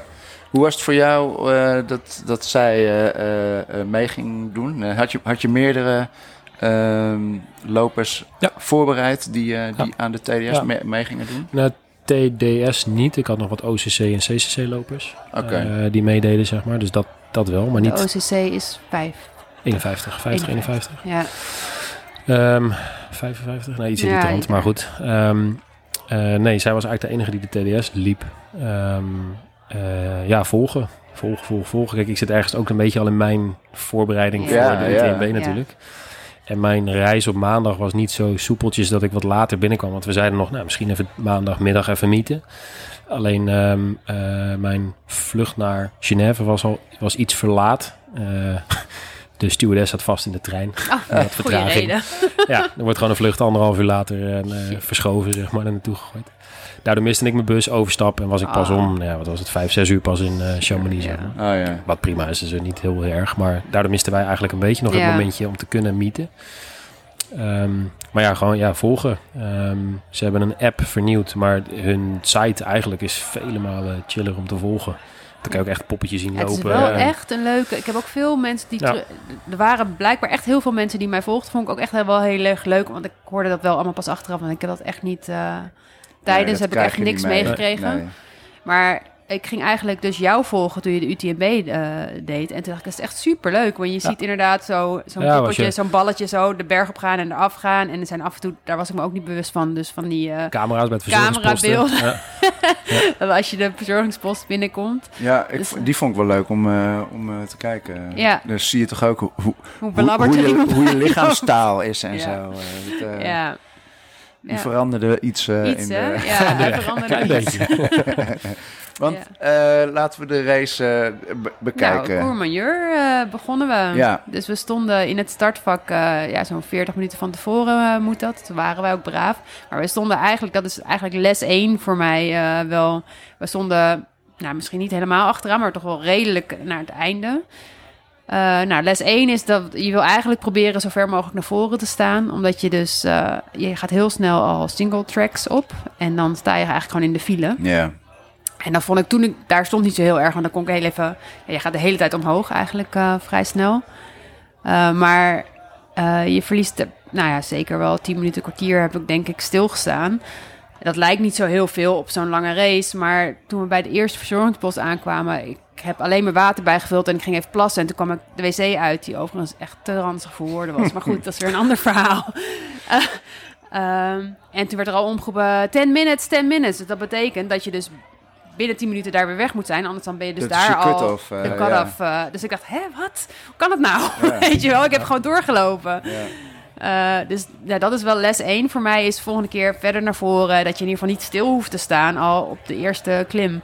Of tenminste zo min mogelijk. Ja. ja. Maar dat wil natuurlijk iedereen die dat weet. Maar, uh, ja. maar goed, ik stond in dat startvak. En uh, toen was ten eerste was dat het uh, uitgesteld was. Met 40 minuten. Omdat er was een deel van... Er was een, een, slide geweest, een landslide. Waardoor de bussen allemaal heel erg vertraagd waren. Dus Met niet, deelnemers? Dus niet alle deelnemers oh, waren ja. er nog. Dus ja, dat... Dan sta je daar. Hoe was het weer? Het was wel droog. het het was daar miser volgens mij op dat moment. Ik vond het toen niet heel koud. Maar ik had die poncho aan. Dat was echt uh, uh, heel fijn. En je staat allemaal heel dicht op elkaar. Dus op zich vond ik het daar niet zo heel koud. Je krijgt vooral, ja, als je op een gegeven moment... Je staat er al 40 minuten en je moet nog 40... Dan sta je dus anderhalf uur al te staan. Dus dat is niet heel erg lekker voor je benen op zich. Ben je niet uh, gaan zitten? Veel mensen gaan altijd zitten. Oh nee, iedereen bleef wel staan. Oh, okay. uh, ja, ik misschien ook vanwege de kou, weet ik niet eigenlijk. Maar iedereen bleef wel staan. Er was Zou een muziekje. Ja, ja uh, Girls Gonna Wanna Have Fun kwam voorbij. Toen oh, moest kijk, ik nog aan onze Monica. Uh, Monica denken. Ja. Dat was haar nummer. Dus ja, dus ja, misschien moet ik dat... Ik weet niet of ik het heel kort moet aanstappen, maar dat was dus het einde van mijn runstreak ook. Daar. Dat moment. Dat moment. Oh ja. Ja. Want, uh, leg uit, hoe, hoe komt het? Nou ja, het was maandag en toen dacht ik, oké, okay, we gaan om tien voor twaalf uh, starten. En in principe moet ik één mijl uh, per dag lopen. Hè. Dat, is een beetje, dat was mijn regel in ieder geval. En toen dacht ik, ja, de kans dat het bijvoorbeeld uitgesteld wordt is aanwezig. Uh, of dat het zo druk is dat ik niet misschien een mijl in 10 minuten loop. Dat wist ik niet zo goed. Dus eerst dacht ik, ja, ga ik dan per se een mijl lopen voor een race van 150 kilometer? Ben ik dan, ga ik dat doen? En ik ben al best wel lang dat ik dacht, ja, misschien wil ik gewoon elke dag sporten in plaats van elke dag een streak. Maar ik vond het toch lastig. Dus, en ik moest ook naar de bus rennen. Dus toen had ik naar de bus gerend. Want ik moest de bus ook echt halen. Dus dat was één kilometer. Dus ik dacht, nou, als ik dan vanavond die 600 meter ren, dan heb ik mijn streak. En als het op de een of andere manier wordt uitgesteld, dan heeft het zo moeten zijn. Dus nou ja, dus er stond in het startvak. En toen werd er gezegd, oh, we gaan 40 minuten uitstellen. En toen dacht ik, ja, nou dan is dit het. Dus... Ja. En ergens zat er nog steeds, maar je hebt een kilometer gelopen. Dacht ik, nee, dit is, dit is mijn regel. En dit is gewoon wat ja. het is. Dus dat betekent dat nu dan vandaag, hier vandaag, mijn streak eindigt. En dat was op dat moment eigenlijk heel prima. Ja. was echt oké. Okay. Dat is ook wel grappig, klein dingetje. Zo heb ik jou dus voor het eerst eigenlijk echt een beetje leren kennen bij de Eiger. Zij kwam toen naar mij toe de dag van tevoren. Goh, wat moet ik eigenlijk de dag van tevoren doen eigenlijk? Een beetje wat vragen stelde je ja. toen. En toen zei ik, nou ja, het liefst zo min mogelijk. Maar ik wist helemaal niet van die streak af dat je dat had. Dus toen zag ik jou weglopen. Toen dacht ik echt, nou, volgens mij heb ik toch gezegd dat je niet zoveel moest doen. Het is, het is een raar mens, joh. Die gaat morgen 51 kilometer lopen en die gaat vandaag nog even rennen. Ja, ja, ja. ja, ja. Toen zijn die langs de camping gerend. Ja, ik kwam even Joost opzoeken. Ja, ja, ja. ja. Nee, dus dat was, uh, maar dat was op dat moment echt eigenlijk helemaal prima. Hij heeft me ook niet dwars gezeten tijdens de run. Wel, eigenlijk heeft het me extra gemotiveerd in de zin van, nou, dan moet ik dit toch wel gewoon finishen. Dat was eigenlijk wel van, nou, dan is als, hè, dat dan wel uh, closure met een bang of zo. Ja. Maar hoe voel je je nu? Twee nou, nu ook goed. Ik ben eigenlijk één moment even een beetje sip, of één dag. Nou, een beetje overdreven, maar de, ik denk dat het de zondag was dat ik thuis was, of de maandag. Ik denk de maandag, want ik was maandag nog vrij. Dat ik een beetje sip was. Niet, niet echt verdrietig, verdrietig, uh, maar wel dat ik echt dacht... misschien een combinatie van en grote doel... wat dan een soort van, nou, en niet behaald en, en klaar is... En dus ook de streak die over is. En dat ik wel echt even dacht, ja, godver, en nu dan? ik was echt een beetje sippig. Ja. En ook iedereen, ja, dat is super lief. Maar daar was ik helemaal niet... Ik had dus ook echt een post gemaakt van, ja, nou, de, mijn streak is gestopt. Dus ik kreeg heel veel reacties, super lief allemaal. Waardoor ik ook wel een beetje dacht... Ja, je, je wordt toch een beetje... Ja, jij bent toch diegene die strikt, weet je. Je wordt toch een beetje je identiteit. Terwijl ik dat zelf dan ook niet helemaal zo wilde. Dus ja, één dag eigenlijk echt. En nu is denk ik, ja, is wel prima. Ik heb vorige week twee keer, niet eens echt. Ik heb één keer bij November Project en één keer zelf. Ik heb acht kilometer hard gelopen vorige week. En dat is oké, weet je wel. Wat ik wel, wel wil en ook echt heb gedaan, is elke dag iets. Dus uh, yoga en wandelen of fietsen of iets, uh, bolderen, ja. whatever. Lijkt mij heel relaxed om het niet te moeten, zeg maar. Eh. Ja, nou, en ik, vond, ik vind op zich nu dus ook wel lekker dat ik wel een soort van stok achter de deur van ik wil elke dag wat aan bewegen doen. Dat vind ik nog steeds wel lekker. Maar dat het dus flexibel is wat het is. En ik heb voor mezelf een beetje gezegd, ja, minimaal 20 minuten of zo. Want die mile, dat was ook maar kort als het alleen een rustdag was. Dus het is nu veranderd van runstreak naar sportstreak. Ja, zo noem ik het niet. Maar wel gewoon uh, elke dag uh, iets aan bewegen doen. Ja, ja. En uh, nou ja, eigenlijk is het wel prima. Ja. Ja. het was even, even één dagje sip. Wel. Ja. Daar heb ik me ook wel één traantje over gelaten, als ik heel eerlijk ben. Maar ja. het is... Uh, Hoe lang was het? Hoeveel? Ja, ik, ik, had het opgeschreven 2300 nog wat dagen. Maar we zijn maar zeven jaar en, drie, ja. en negen maanden ongeveer. Ja, dus best wel, jaar van je leven. Wel lang. Ja. Ja. Ja. ja. ja. dus, maar wat ik wel een soort van fijn vind is... Want ik heb dus de dag na de nou ja, de TDS, zeg maar, dat ik niet gefinished heb ik ook gewoon nog gelopen. En die dag daarna ook gewoon nog gelopen. Dus het was niet omdat het fysiek niet ging of dat ik... Uh, ja, dus ik heb wel...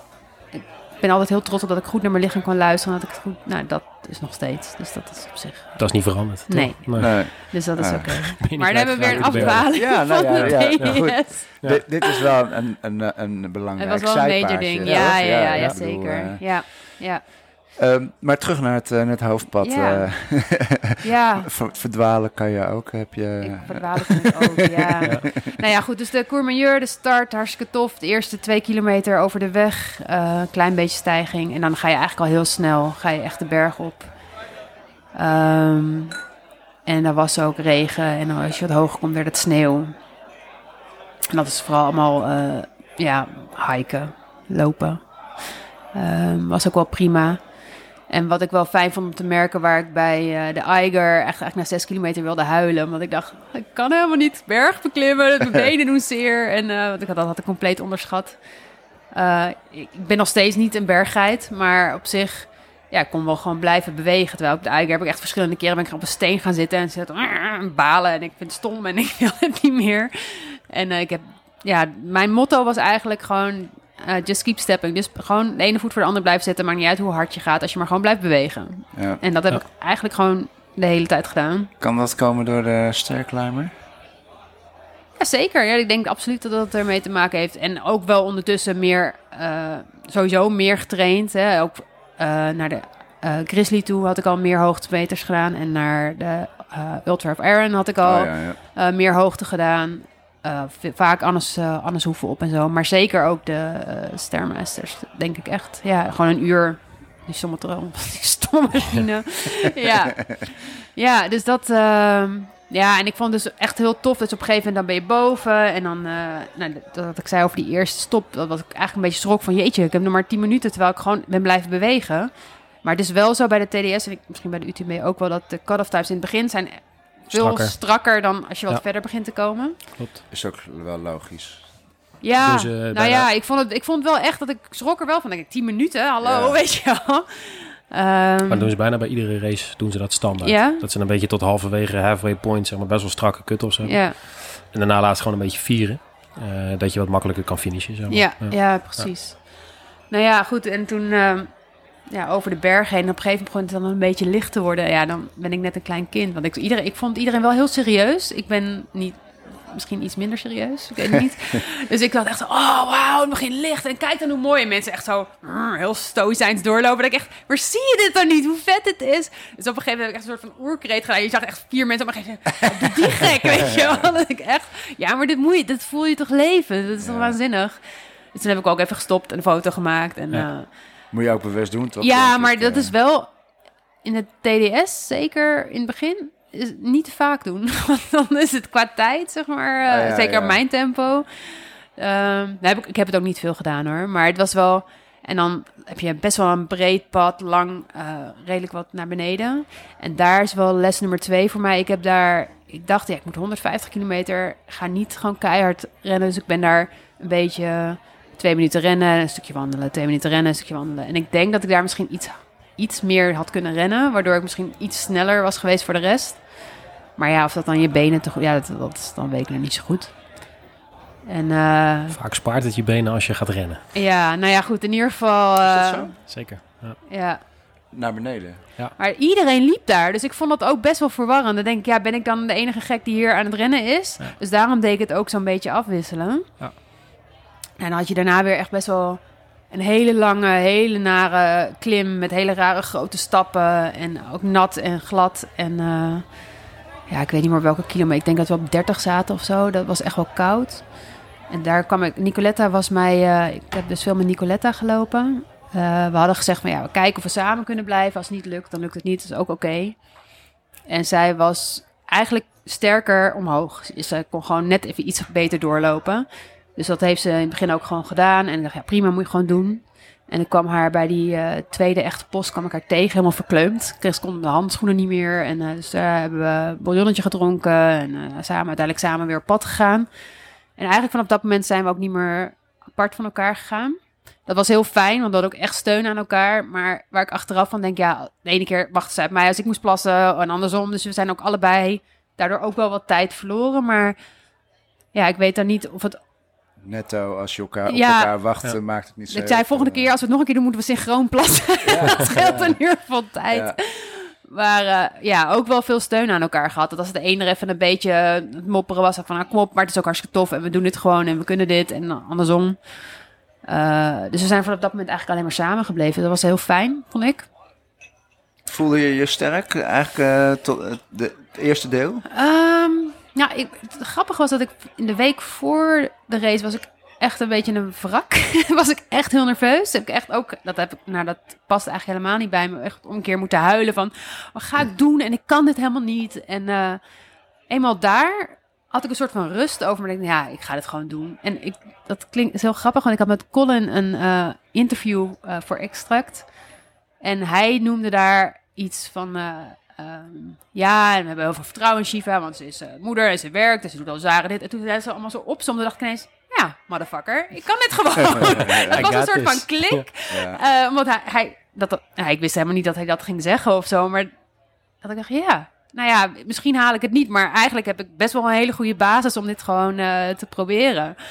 En vanaf, dat was wel echt een soort omslagmomentje voor mij. Dat ik dacht van ja, ja, ik ga dit gewoon, ik ga gewoon blijven lopen. En dat kan, dat kan ik goed. Ik kan goed afzien. En eh, dus ik was eenmaal daar, was ik daar best wel eh, oké. En ik had voor mezelf ook voorgenomen, ik ga gewoon blijven lopen. En ik ga alleen maar stoppen als ik geblesseerd raak. Of als ik een cut-off niet haal. Ja. Nou ja, dat heb ik gedaan. En ik ben eigenlijk daar, ja. Dat is ook hetgene wat wij een beetje besproken Ja. hadden eigenlijk. Van tevoren van, joh, als je gaat kijken naar al deze races. Als jij 5 km per uur gemiddeld zou lopen, dan loop je hard. Ja. In veel van dit soort races, dan finish je dik op tijd. Ja. ja. Ja. En dus op het moment dat je dat vast kan blijven houden, gewoon wandelen, blijf maar in beweging, blijf maar gaan. Ja, dan kom je een heel eind met dit soort dingen. ja. Hadden jullie ook een strategie? eh, eh, hadden jullie de routes samen bekeken? Nee. Of eh, Nee. de. Nee, ik heb dat ook sowieso slecht. Ik ben daar altijd slecht in hoor. Ja. Eh, of goed in, in de zin van ik zie- neem het gewoon als het Ja, komt. ja. Ehm, ik heb echt wel veel momenten gehad dat ik dacht, oh, dit is echt wel zwaar, dit is echt wel een beetje kut. En dat, dat dan zo'n stemmetje in je achterhoofd zit. Als je wat langzamer gaat, haal je de kut of misschien niet. En dan mag je stoppen, weet je wel. En als je denkt, aan de andere kant zo'n duiveltje en aan de andere kant zo'n engeltje. Nee, hou je bek gewoon doorlopen, Lopen, weet je wel. Lopen. En eh, ja, dat heb ik gewoon, dat ging gewoon best wel goed. En af en toe heb je wel momenten dat je denkt, ja, ik vind het gewoon echt niet meer zo leuk. Maar ja, dat, dat weet je van tevoren. En ik weet, op dat punt waar Nicoletta zo koud was, daar zijn heel veel mensen uitgestapt. Volgens mij was dat nog maar 32 of zo. Oké. Echt Ja. door, door, door nou, dat mensen het zo koud, nou ja, of Ja. weet niet of ze echt onderkoeld waren, maar dat ze gewoon echt dachten, ja, ik, zo koud en zo, dat, van ik moet dit nog 120 kilometer doen. Ik, dat, dat gaat niet lukken en dan gewoon stoppen. Het is gewoon een mentaal dingetje. Ja, Ik heb ook ja. een keer zo'n race gehad en dan zeggen ook gewoon mensen, ja, ik heb gewoon geen zin meer, doei. Ja, ja. ja. en dat, dat is daar, ik denk dat daar wel goed in ben. Dat ik denk, ja, maar ik kwam hier niet omdat het zo leuk ging zijn. Alleen maar, weet je wel, dat weet je van tevoren toch wel aardig. Dat dit niet uh, denk van, oh, ik heb het hier zo naar mijn zin de hele tijd. Nou ja, aan de andere kant is er ook wat voor te zeggen. Dat je kan zeggen tegen jezelf, ja, ik vind er eigenlijk gewoon, ik heb er gewoon geen zin in. Ja, ik, uh, ja dan, dan ja. heb je misschien onderschat wat, uh, wat het inhoudt. Maar ook wel knap dat je, ja. vind ik, dat je dan Ja, kan, dat kan. Ik, ik weet niet of ik dat kan. eh, kan zeggen, nou, oh, eh, van, eh, goh, eh, Ja. ik heb er geen zin meer in. Ja, ik heb één keer zo'n race gehad en dan stapte iedereen die zei gewoon, zullen we met z'n allen even een taxietje pakken? Ja, is goed. Hè? Die stapte gewoon met z'n allen een taxi. Taxi Oh, ja. besteld, de deur. Aan de ene kant vind ik het inderdaad knap, maar tegelijkertijd denk ik, ja, dan moet je misschien niet voor zo'n wedstrijd inschrijven. Want je weet van tevoren dat het, dat het echt niet alleen maar leuk en gezellig gaat zijn. Nee. Nee, je komt er wel voor om... eh, Ja, om- je komt daar een beetje iets, om je eh, grenzen te verleggen. En, Ik denk eh, aan de andere kant, dat is natuurlijk soms ook wel eens denk ik de vraag, kijk, wij hebben die bergen niet en al die andere dingen. Kijk, sommige mensen die er wonen bijvoorbeeld, die hebben gewoon bij wijze van om de week hebben ze een race. Ja, Ja. precies. En Ja. die kunnen om de week zo'n raceje lopen en dan denken ze, nou, hartstikke mooi. Vandaag Ja, even niet. Vandaag even niet. Nee, de ja. hoi. Maar ik vind 300 euro voor vandaag even niet dat is een Ja. prijs hoor. Ja. Ja. Ja, is wel, is wel een dingetje. Ja, ja. dus, nou ja, waar was ik? Ik weet het niet meer. Ehm, Je had het over dat je ehm, eh, bij die post waar Nicoletta het zo koud had, dat er veel mensen uit eh, waren. Maar mijn vraag was, eh, voelde je je sterk? En tot, Ja. tot wanneer voelde je je sterk? Nou, ik voelde me in zoverre wel sterk dat we dus op een gegeven moment merkten we dat we steeds een beetje meer tijd kregen bij de, bij de stations. Op een gegeven moment zaten we geloof ik op eh 45 minuten. En toen dachten we, nou, weet je, als we dit gewoon zo door blijven zetten, dan komt het wel goed. En overdag liepen we lekker. We hebben nou, niet heel veel gerend, maar wel echt gewoon goed doorgestapt. En ook wel naar beneden proberen te blijven rollen. Ehm, dus ja, ik voelde me... We hadden het er wel over van, nou, volgens mij gaan we het wel finishen. Weet je wel, daar hadden, dat, we hadden er wel vertrouwen in. Dus ik denk dat we, ondanks dat we het allebei ook echt zwaar hadden, hadden we daar echt wel eh, vertrouwen in. Ja, Ja, nou, dat, het is toch ergens, eh, het is ergens misgegaan. ergens misgegaan. Ja, ja, we zaten. Ja, ik weet al die namen niet meer van die Nee, tussenstop. Maar we zaten volgens mij op eh, de stop waar ze zeiden dat het 72 kilometer zou moeten zijn. Wij zaten daar op 80. Eh, had ik, was ik wel echt een beetje moe en een beetje draaierig. Dus daar hebben we iets langer gestopt. Daar kwamen we ook, hadden we volgens mij een uur en een kwartier of zo toen we er aankwamen. Daar heb ik echt even twee bouillonnetjes gedronken, wat extra gegeten. Ik, ik was echt even van, pff, ik weet niet, een beetje, een beetje dizzy in mijn hoofd. Je hebt natuurlijk ook een nacht niet geslapen al. Nou ja, en 80 kilometer gedaan ondertussen met weet ik veel hoeveel hoogtemeters. Nou, toen ik eenmaal dat allemaal naar binnen had, dacht ik, ah, oké, gaat wel weer. Dus we gaan gewoon eh, die bergen op weer. Eh, en dat was volgens mij 8 kilometer, wat eigenlijk niet zoveel is. Maar dat, dat parcours was eh, best wel een flinke klim en een flinke daling. Met echt zulk slecht begaanbaar, zo nat, zo modderig. Eh, elke stap gleed je uit. Ehm, heel stijl omhoog. En eh, nou ja, ik, ik liep samen met Nicoletta. Zij loopt op zich beter omhoog, maar zij had best wel veel, nou ja, hè, wilde zekerheid hebben waar ze de voeten neerzetten, waar ik misschien iets minder angstig ben. Maar ja, uiteindelijk vond ik het ook wel prima dat ze niet zo hard ging. Want dan hoefde ik ook niet zo hard. Nee. Uh, en naar beneden was eigenlijk nog erger. Maar ja, gleed zo en overal ook stenen ertussen en zo. En moe en je bent niet meer zo vast op je benen. Nee. Je, zit, je zit af en toe op je kont. Om, eh, ja, echt eh, veel keer. De modder zat echt tot aan zijn knieën. Ja, en ja. eh, nou ja, dus over dat stuk hebben we best wel lang gedaan. Waardoor we nog een half uur hadden volgens mij toen we weer aankwamen. En dat was ook het stuk... Ik weet niet of mensen... Een aantal mensen hebben het filmpje gezien van dat ik daar aankom. Maar vlak voor, de, voor het eh aidstation gleed ik weer eens uit. En toen stopte ik zeg maar mijn stokken zo naast me neer om mijn balans te houden. Uh, maar ik viel toch en die stok zat precies, uh, trilstok zat precies tussen twee uh, stenen in. Dus die brak af. Mm. Nou ja, je ziet mij zo heel sip over de finish komen. My trailstok broke. en dat was wel een klein breekpuntje voor mij waar ik potentieel had gedacht dat ik van, nou ja, misschien moet ik wel stoppen. Want mijn benen waren op dat moment echt heel erg leeg. En ik dacht, ja, ik moet nog 50 kilometer met 5000, 4000 hoogtemeters op dat moment. Ik Ja, heb die stok echt nodig. Dat kan ik echt ja. niet zonder die stokken. nee. Dus ik had het daar met Nicoletta over bij dat aidstation. En wij spreken Engels omdat Nicoletta Italiaans is van eh, origine. En eh, eigenlijk wel echt met tranen in mijn ogen van ja, ik weet niet, ik kan niet meer verder, maar ik wil ook niet stoppen, ik wil niet opgeven. En er was een, een Spanjaard, die liepen de hele tijd met z'n drieën, die hadden wel echt tig keer, kwamen zij ons voorbij en wij hun. En dus die hadden we al heel veel keer ontmoet. En die hoorde dat en die zei, ja, neem mijn uh, trailstokken maar. Dus ik dacht in eerste instantie echt van, ja, dat kan toch niet? En jij moet zelf lopen en ik ken je helemaal niet. En die stokken zijn hartstikke duur. En hij zegt, nee, nee, ik moet eruit. Ik heb mijn knieën stuk. En uh, we wisselen gewoon nummers uit. Je zorgt gewoon dat die stokken morgen weer terugkomen. Ja, ga jij door? Dus toen dacht ik, ja, nou, kan ik, nou moet ik door. Nou kan ik niet stoppen. Dus we gaan gewoon door. en uh, toen zijn we echt vijf minuten voor tijd zijn we daar weggegaan. En toen werd het de tweede nacht. En dus met z'n tweetjes eigenlijk die bergen. We waren echt, denk ik, de laatste die nog weggingen daar. Misschien dat er nog iemand na ons is gegaan. En het eerste stuk ging best wel aardig. En op een gegeven moment, hoe hoger we kwamen, hoe meer mist of wolken, ik weet het niet zo goed. En je hebt dan van die lampen op. En die schijnen eigenlijk op van die reflecterende paaltjes. Ja. Nou ja, wij konden die hele kutpaaltjes niet vinden. dus we hebben heel veel tijd verdaan, verdaan met het zoeken van die paaltjes. En een gegeven moment ook het gevoel dat we in cirkels liepen. En ja, we hadden in principe volgens mij zes uur om 28 kilometer te doen of 22, ik weet niet eens meer. En we hadden bedacht, ah, dat, dat komt echt goed. En dan uh, als we flink doorlopen, dan hebben we anderhalf uur bij het volgende aid station. Dat was een wat grotere, waar je ook eventueel kon slapen. Dus dacht, nou, als we daar dan een half uurtje, drie kwartier kunnen slapen, zou het perfect zijn. En dan gaan we gewoon finishen. Je komt gewoon helemaal goed. En eigenlijk omhoog voelde ik me ook wel weer een stuk beter. Het gaf een soort van pep dat iemand nou, zo lief was om mij die stokken te geven. We hebben zo lang op die berg gedwaald. En op een gegeven moment uh, twee heren, die stonden wat hoger. Die zagen ook met lampen geroepen. En die zijn naar ons toegekomen met vier lampen. Uiteindelijk dat wel de weg wat kunnen vinden. Of tussen weg, er was niet echt een weg. maar de, de paaltjes kunnen vinden. En uh, nou ja, op een gegeven moment waren we, zitten weer van die scanpunten. Dat zijn niet echt eetstations, maar dan scannen ze van, hé, hey, ze leven nog en ze zijn nu op dit punt. ze snijden niet af, pakken nee, de auto. ze snijden niet ja, af. Ja, precies. En uh, nou, toen zeiden ze, ja, het is nog acht kilometer, alleen maar dalen. Dus dat was, uh, nou ja, ik weet niet of het inderdaad 2000 was of 1600, maar heel lang dalen.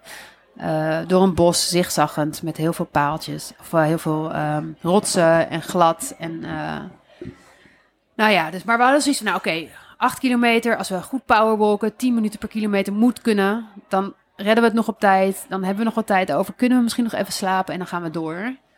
Maar dat bleef maar dalen en dat bleef maar dalen en dat bleef maar dalen. En geen aidstation op een gegeven moment. Echt schelden. Waar blijft dat komen? ja, dus uh, uiteindelijk, we hadden om vier uur bij dat aidstation moeten zijn. Dat was zeg maar de cut-off time. En om vier uur waren wij nog in het bos. Dus toen was het uh, over en uit. Ja.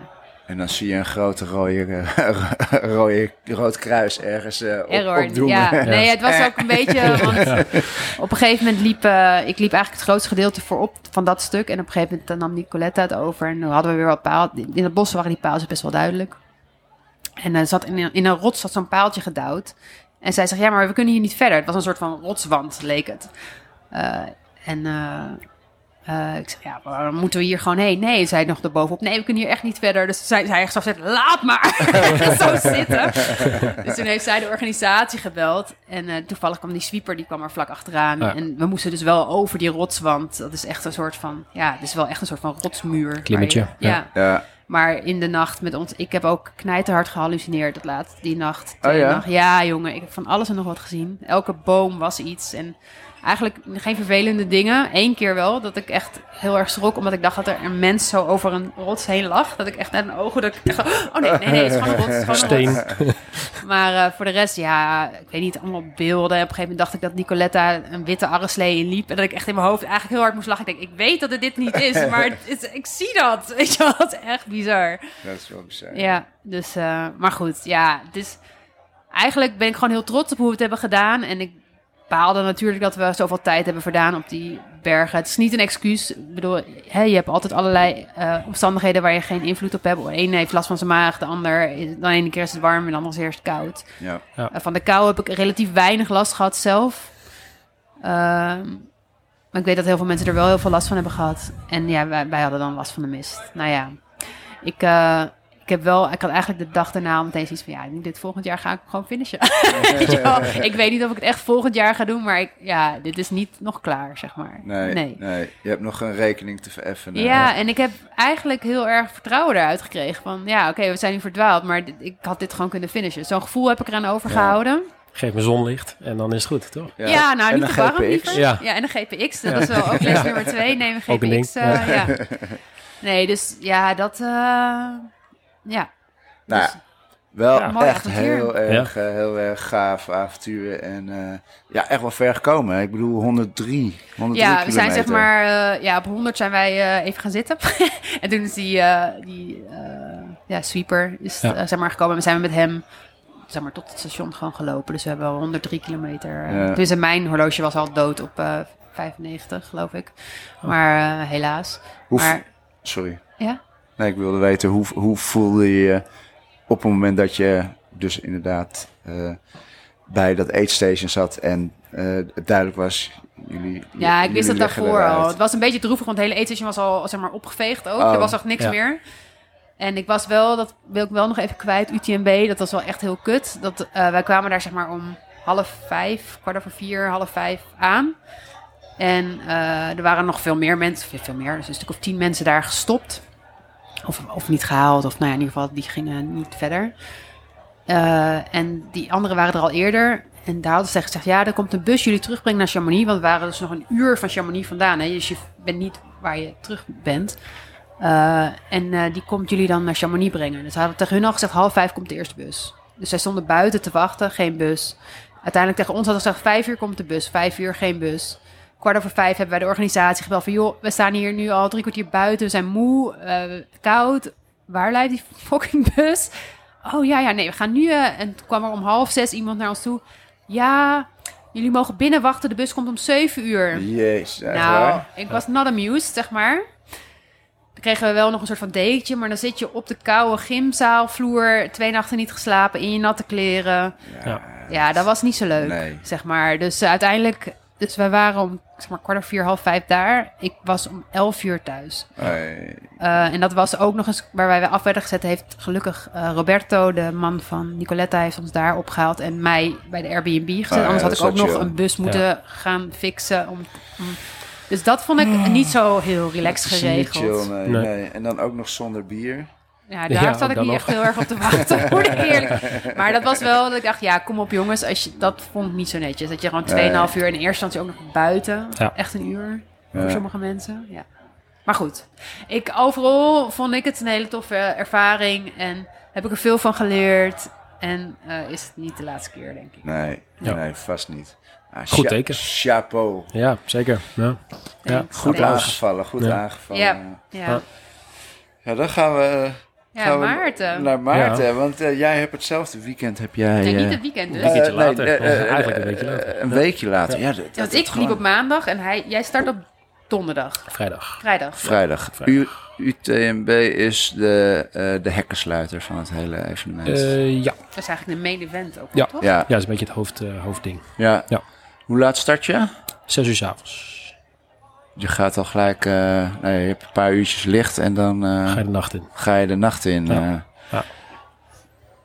En hoe, ehm, ik probeer een, een, een, een weg te bedenken in.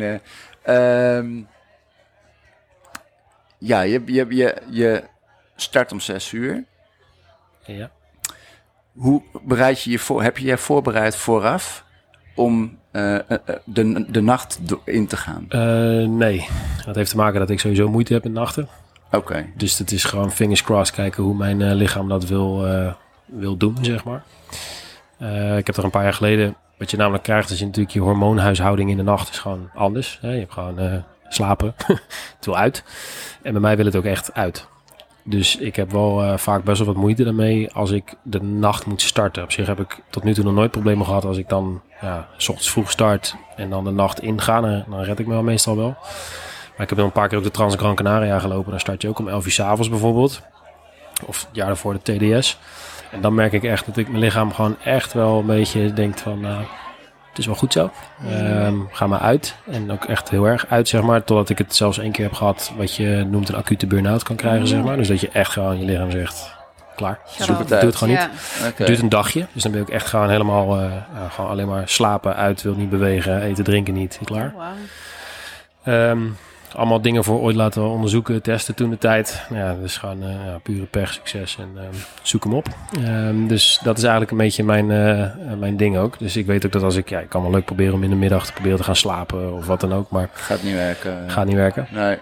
Maak je daar van tevoren, dan ben je daarmee bezig in je hoofd van, goh, niet als meer. dat maar niet gebeurt. Niet meer. Nee, ik nee. had het voorheen altijd wel. En nu ben ik ja, ook nog steeds wel mijn oude sport honkballen. Je faalt meer dan dat je succes hebt. Um, uh, dus ja, uh, ja, als dat gebeurt, dan gebeurt dat. En Ja. daar kan ik eigenlijk niet zo heel veel aan veranderen. Nee. Hoe graag ik het ook wil, dat is een externe factor.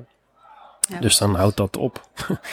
Even kort door de bocht gezegd. Dus ik heb daar nooit echt meer voor voorbereid in dat opzicht. Um, En hoe en ging dat dit keer? Nu ging het goed. Um, Ja. Maar ja, dat kan dus ook zo zijn dat het niet zo is. Ja, ja, ja, precies. Dus dat is, ja, dat is gewoon een beetje gokken. Maar dat, nogmaals, ja, dat, als dat gebeurt, dan gebeurt dat. En dan eh, kan ik daar niet heel veel aan veranderen. Nee. Maar deze nachten gingen goed, eigenlijk. Ehm, wel prima gelopen. Natuurlijk wel tegen slaap aan. Dat je wel denkt, ook, ehm, ja, eh, wel goed zo, ga maar stoppen. Maar eh, nee, gewoon lekker eh, mijn ding kunnen doen. Rustig door kunnen lopen. Heb je geslapen tijdens... Want je, ik zag, we hadden het even opgezocht, 45 uur was je Ja, onderweg. ja, ja. Waarvan twee uur rusttijd, maar dat zijn allemaal kleine stukjes van alle... Ja, nee, ik dus heb... niet eh, geslapen. Ik heb, nou het mooie is, is dat ik op een gegeven moment dacht ik, nou, ik ga even één tel zitten. Dat was de tweede nacht.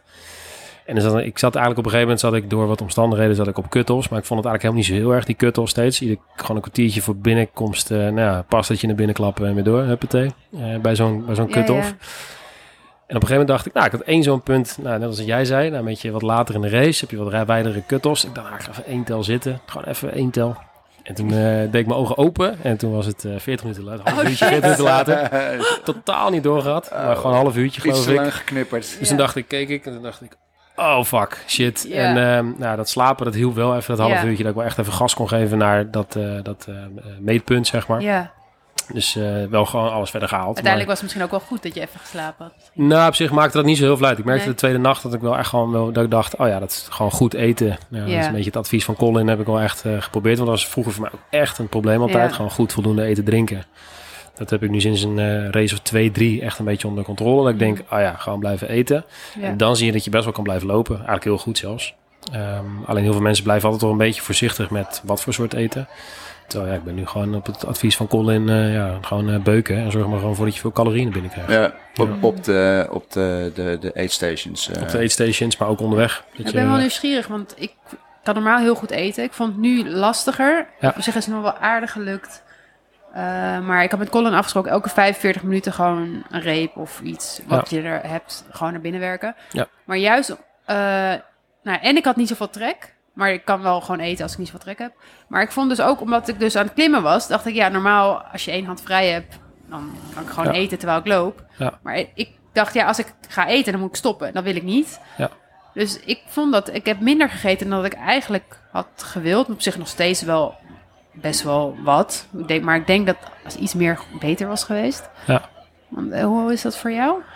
Nou, ik ben dus nu wel meer dat ik denk, oké, ik zorg altijd voor dat ik, weet ik veel, een half stok brood en soep en dat soort dingen naar binnen kan gooien. Dus dat ik eigenlijk al wel bijna 800 tot 1000 calorieën per verzorgingspost al naar binnen ja, gooi. ja. Serieus?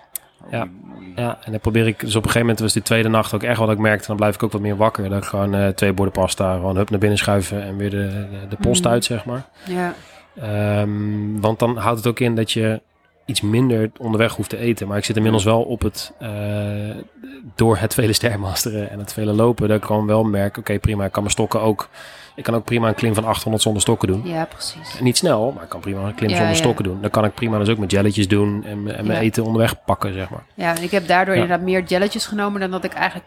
Want ik was bang dat ik last van mijn maag zou krijgen, maar dat was gelukkig niet zo. Maar ik heb daardoor meer jelletjes genomen die ik gelukkig ook mee had genomen. Omdat Ja. ik dus dat, dat kauwen, dat eten onderweg, dat ging eigenlijk dus niet. En ik had ook, ik weet niet, ik had van die Morton bars die ik normaal prima kan eten, wel al een beetje hard zijn van zichzelf. Ja. Maar nu, misschien door de kou, kreeg ze gewoon echt niet weg. Ja. Dat is zo knijterhard. Ja. Ja, Ja, en ik, ik ben nu ook eh, al een tijd bezig met alleen maar neusademhaling, zeg maar. Dus dat Ja. kan ook zorgen dat ik dus gewoon prima door mijn neus blijf ademen. Dat is voor mij ook een goede indicatie welke hartslagzone ik zit. Daar Dus ben je met de, tijdens de race ook, ook mee bezig. ben ik er ook mee bezig. Ja, Ah, ja. Dan zorg ik gewoon voor dat ik, dat ik dat kan blijven doen.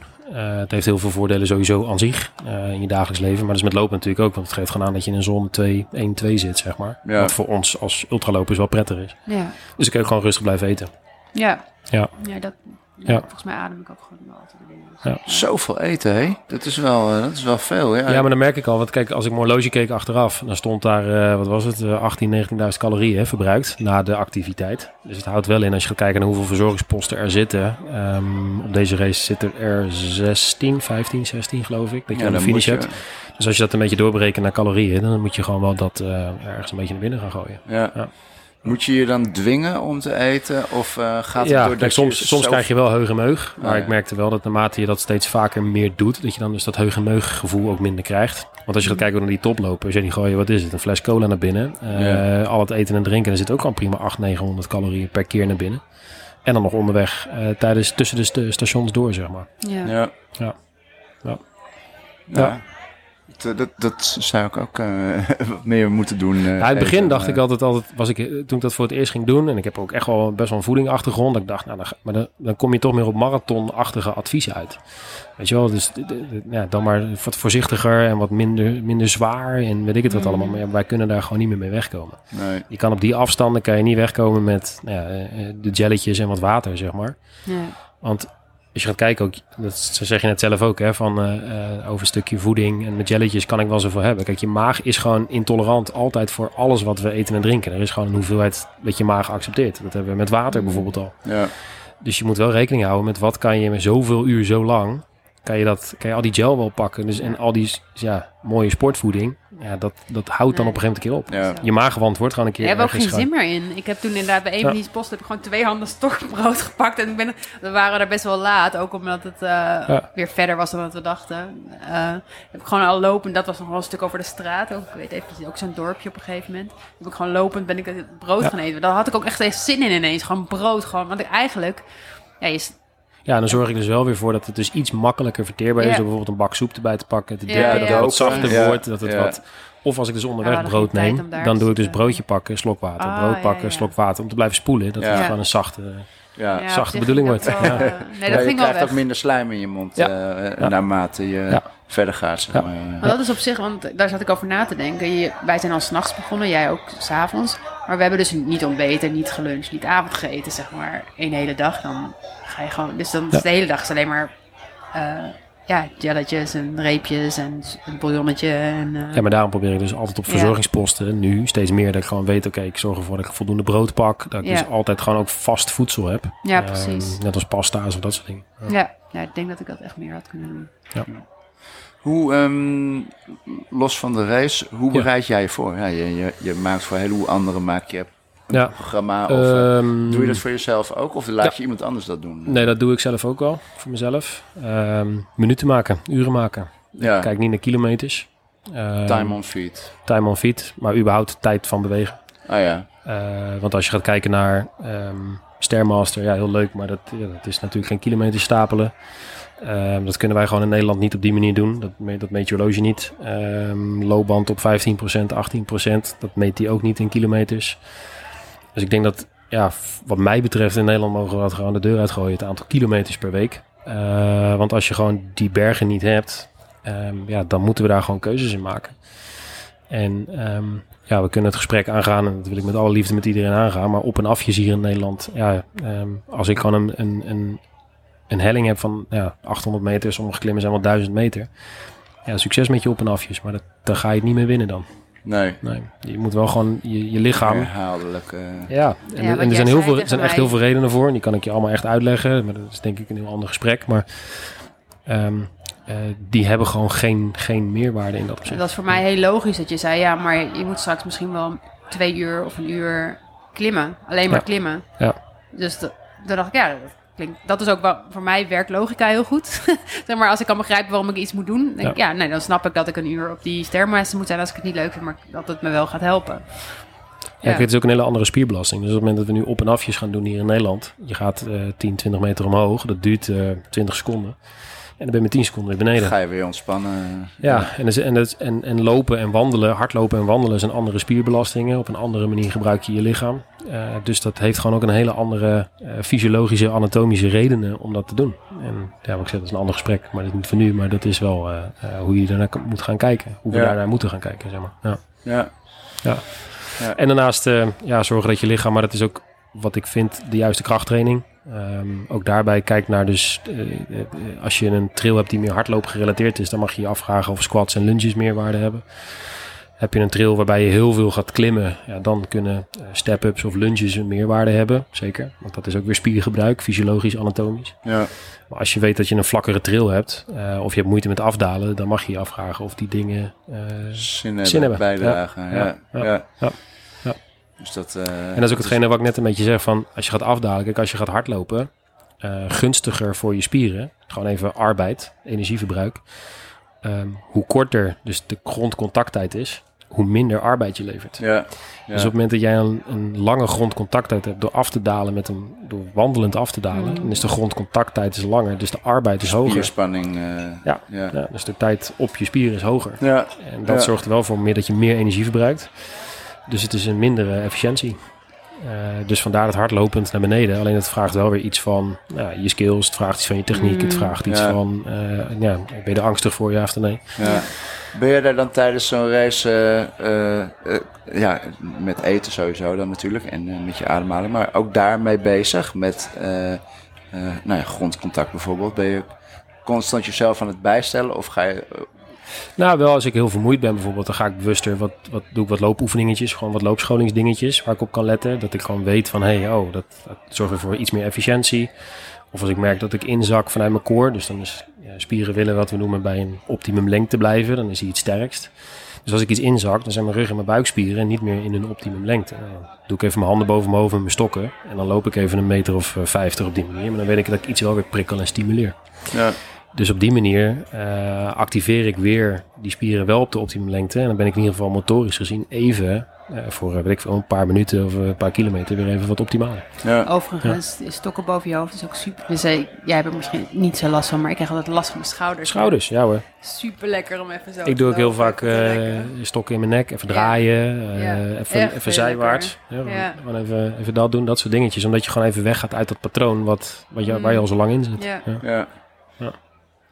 En natuurlijk, er zijn ook momenten dat ik er niet mee bezig ben. Hè. Ik, bedoel, dus ik, ik, bedoel, ik ben nu 45 uur weg geweest. Ja, natuurlijk uh, zitten er genoeg momenten tussen dat ik denk, uh, nou ja, hoe is het op andere gebieden, zeg maar.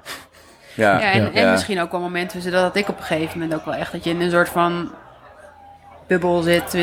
En helemaal niet aan het nadenken ben. Gewoon stap voor stap gewoon stap voor stap. Bent, en um, gewoon op een gegeven moment ben je ineens ergens. Oh ja, nou, eigenlijk ja. een uur verder. Blijven ademen en je voeten vooruit zetten. of uh, dat je denkt, uh, non de wat is dit voor een omgeving zo onwijs mooi. Ja.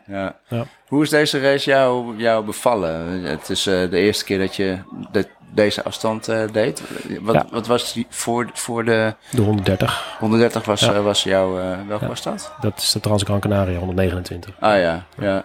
Hoe, uh, hoe ging je deze race in? Wel gewoon uh, met, uh, met het vertrouwen, ik ga hem finishen? Of, ja, want kijk, voor mij is een 130 of 172, hoe groot het verschil ook is. dat, is, dat, is, ja, dat is op trainbaarheid, is dat niet weg te trainen. Dat, kan je, dat kunnen we denken, maar dat is gewoon niet weg te trainen.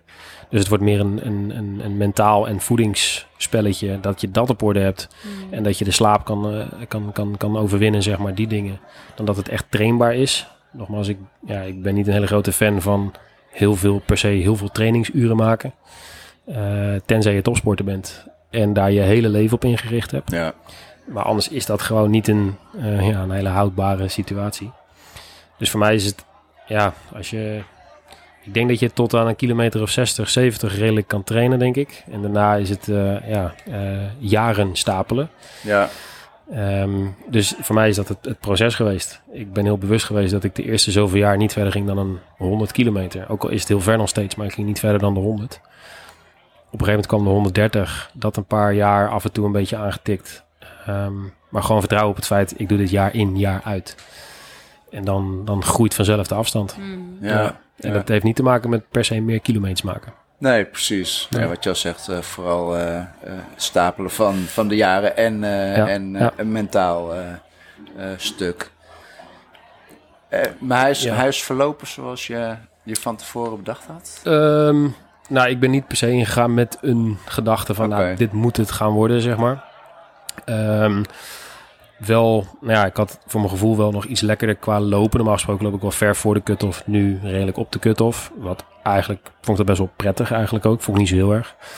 Um, Want waarom vond je dat prettig dan? Nou, ik, ik heb het eigenlijk altijd al gehad met sport. Mijn functie bij honkbal was uh, als werper zijnde. En dat was eigenlijk in de meest stressvolle situaties. Dan uh, vond ik het het leukst. En dan functioneer ik wel lekker. Ja. Uh, dus dat was dit ook wel. Gewoon een kwartiertje van tevoren binnenkomen lopen. En dan uh, ja, de Franse stress van uh, you gotta go and you have 15 minutes. En dacht ik, ja, ja, hallo, ik heb 15 minuten. Wat moet ik hier zitten doen? Uh, en dat gaf juist altijd wel een lekker... Dat is voor mij altijd wel een beetje een rustig momentje in mijn hoofd geweest of zo. Mm. Dus als er stress op zit, dan vind ik het eigenlijk wel prettig. Ja. Dus um, dat, maar voor mij, ja, wat uh, het, uh, de reden eigenlijk een beetje waarom ik wat langzamer ben gaan lopen of heb gelopen, is dat ik, um, um, nou, dat gaf ik voor het gesprek al een beetje aan. Ik heb uh, tien maanden, elf maanden geleden de keuze gemaakt om iets meer voettraining te doen. En daarmee verandert schoeisel. alleen ja, niet op een heel prettig moment moeten veranderen van schoenen.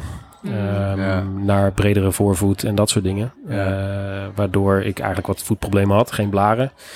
Want dat is de keuze die ik had gemaakt. In de zin van, ik weet dat ik dan spier slash nou ja, botirritatie kan gaan krijgen. Maar dat vind ik meer manageable dan blaren.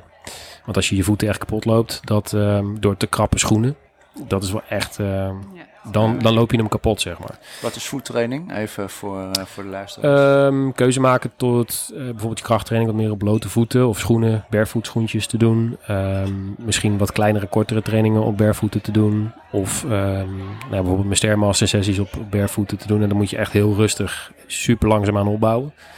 Uh, moet je denken van, nou ja, een half uurtje per dag wandelen tot... ja, nou ja, daar een beetje wat krachttraining op doen. Dan pas een beetje wat hardlopen erop gaan doen. Alleen je voeten veranderen er ook mee. Ja. Dus um, ja. Uh, dat gebeurde wel. En niet dat ik zeg, je moet barefoot rennen met, uh, nou ja, op blote voeten of op slippers. Want je ziet nog wel eens mensen op sandalen dit soort races ook doen. En dan denk ik echt, in onder je mag er wel een beetje demping onder gooien. Dat is niet zo heel erg. Maar wel in ieder geval dat je, je, je voeten, de voorkant van je voet, dat die de ruimte heeft. Uh, dat je ja, uh, ingezakte voeten, zoals we dat mooi vertellen. De, de antipronatie dingen, ja, heeft niet eens per se meerwaarde. Het ligt afhankelijk van je techniek en hoe getraind het allemaal is. Ja, ja. Alleen ja, die bredere voeten zorgden er wel voor dat ik uh, ja, vlak voor de race andere schoenen moest gaan uh, lopen. Ai, ai, ai. Uh, dus ja, dat is een keuze die je maakt. En vrienden van mij zeiden, ja, dat is toch een rookie foutje. Ik zei, ja, yeah. het is een bewuste rookie fout, want anders weet ik, daar kan mijn voeten gewoon echt kapot lopen. Ja. Dus ja. daardoor iets minder hard. De voeten eigenlijk breder zijn geworden, waardoor de oude schoenen anders te strak Gewoon strak zitten. Ja, ja, ja, precies. Ja. En nu moest ik net alleen die andere nieuwe schoenen die zitten dan net weer nog, we zaten nog net iets te wijd. Hmm. Waardoor je van die haakjes, lusjes, dingetjes moet gaan doen, zeg maar. Trucjes om de schoen op orde te houden. Hmm. Maar dat is ook mijn advies naar mensen altijd. Als je dat soort trucjes met je schoenen moet gaan uithalen, dan is, is je schoen niet goed. Nee. nee. Uh, alleen die moest ik nu wel gaan doen. Want ik ging iets nog wat glijden in de schoen. Dus dan had ik alsnog wat blaar gekregen, maar door te veel ruimte. Um, wat dus wat spierirritatie geeft. Alleen ja, dat is dan de keuze geweest. Ja. En, ja. ja. Wat zou het voor voordelen uh, hebben om die voettraining uh, te doen? Um, beter gaan doen? Dan um, als ik een stap zet bijvoorbeeld, dan, uh, dan ga ik ietsje aan de inhoud werken nu. Maar um, ja, als, als, ik, als ik een stap zet, dan willen we iets wat we noemen preflexen hebben. En preflexen is dat je voet van tevoren al iets, dat spieren al iets op spanning komen. Want spieren, die hebben wat we noemen een stijgtijd. Dus we weten inmiddels dat als een spier, als je je voet neerzet, de spier gaat niet gelijk op het moment van contact, kan die niet gelijk uh, kracht leveren, zeg maar. Ze krachtproductie doen. Dus dan heb je wat preflex voor nodig. Nou, als je voettrainingen gaat doen, dan kan je wat meer preflexen krijgen. Dus de stijgtijd van de spier wordt wat korter, waardoor de spier wat adequater kan reageren, wat korter. Um, dat is bijvoorbeeld dus ook een reden. Um, ja, je kan prima door je enkel gaan, maar is die preflex dus op orde? Uh, dan kan die hem eigenlijk net in het omgaan van de enkel, kan je hem net eigenlijk alweer, nou, ja, dus wel aanspannen. dan kan je hem dus wel aanspannen. Net op tijd genoeg dat je dus bijvoorbeeld wel iets van ja, spierirritatie hebt, maar niet je enkelbanden scheurt. Ja. Uh, bijvoorbeeld, ja. onder andere. En dus dat geldt voor heel veel dingen. Dat geldt ook voor uh, bijvoorbeeld je rug en je buikspieren. En dat vind ik dan altijd een hele mooie voorbeeld ervan van ja, planken.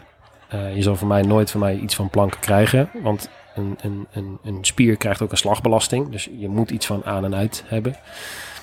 Dus planken is voor een, een powerlifter een hartstikke mooie oefening. Die hebben gewoon continu spanning op de core en moeten daar iets mee doen. Uh, maar je, ja, wij als trailers, je krijgt iedere keer een klap en dat moet je een gedeelte van de romp moet ja, gestabiliseerd worden. En zo snel mogelijk, dus die stijgtijd moet korter.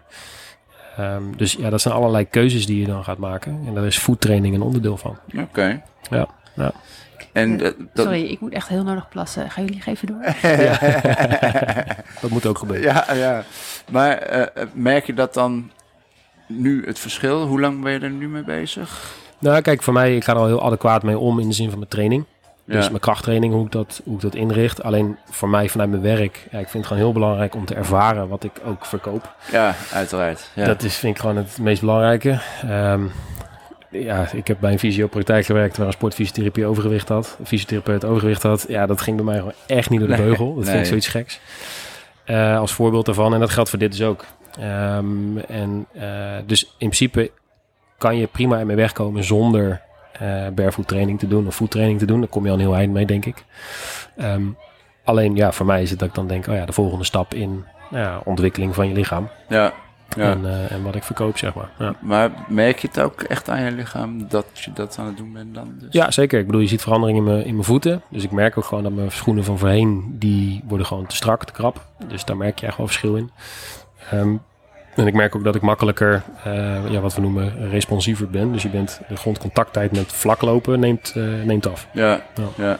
Ja, je moet het dan eigenlijk een beetje zien als een, als een veer. Die, je- Ja. die je Ja, gewoon springveer. Ja. ja. precies. Ja. T- zet jou, jouw veer op wat, wat zet je hem dan juist stijver? Ja, je zet hem stijver. Nee, je bent niet per se stijver, maar je leert je lichaam eigenlijk om, die, eh, om hem eh, adequater op voorspanning te brengen voordat je hem gebruikt. Ja, ja, En dat is trainbaar. Dat is bewegelijk. Dat is ja, mogelijk. ja. Ja. Maar je hebt wel, je hebt, je hebt dus met het wisselen van, eh, we gaan weer naar de race. Ja, zeker. Ja, kijk, omdat, bent- ik, ja, omdat ik dus wist, kijk, blaren is minder manageable dan, dan dit. Ja, Eh, dus dan daar de keuze voor maken. Eh, maar dat houdt wel in dat ik dan wel ergens mogelijk de verwachting had... oké, ik krijg wat irritatie, waardoor ik misschien minder kan...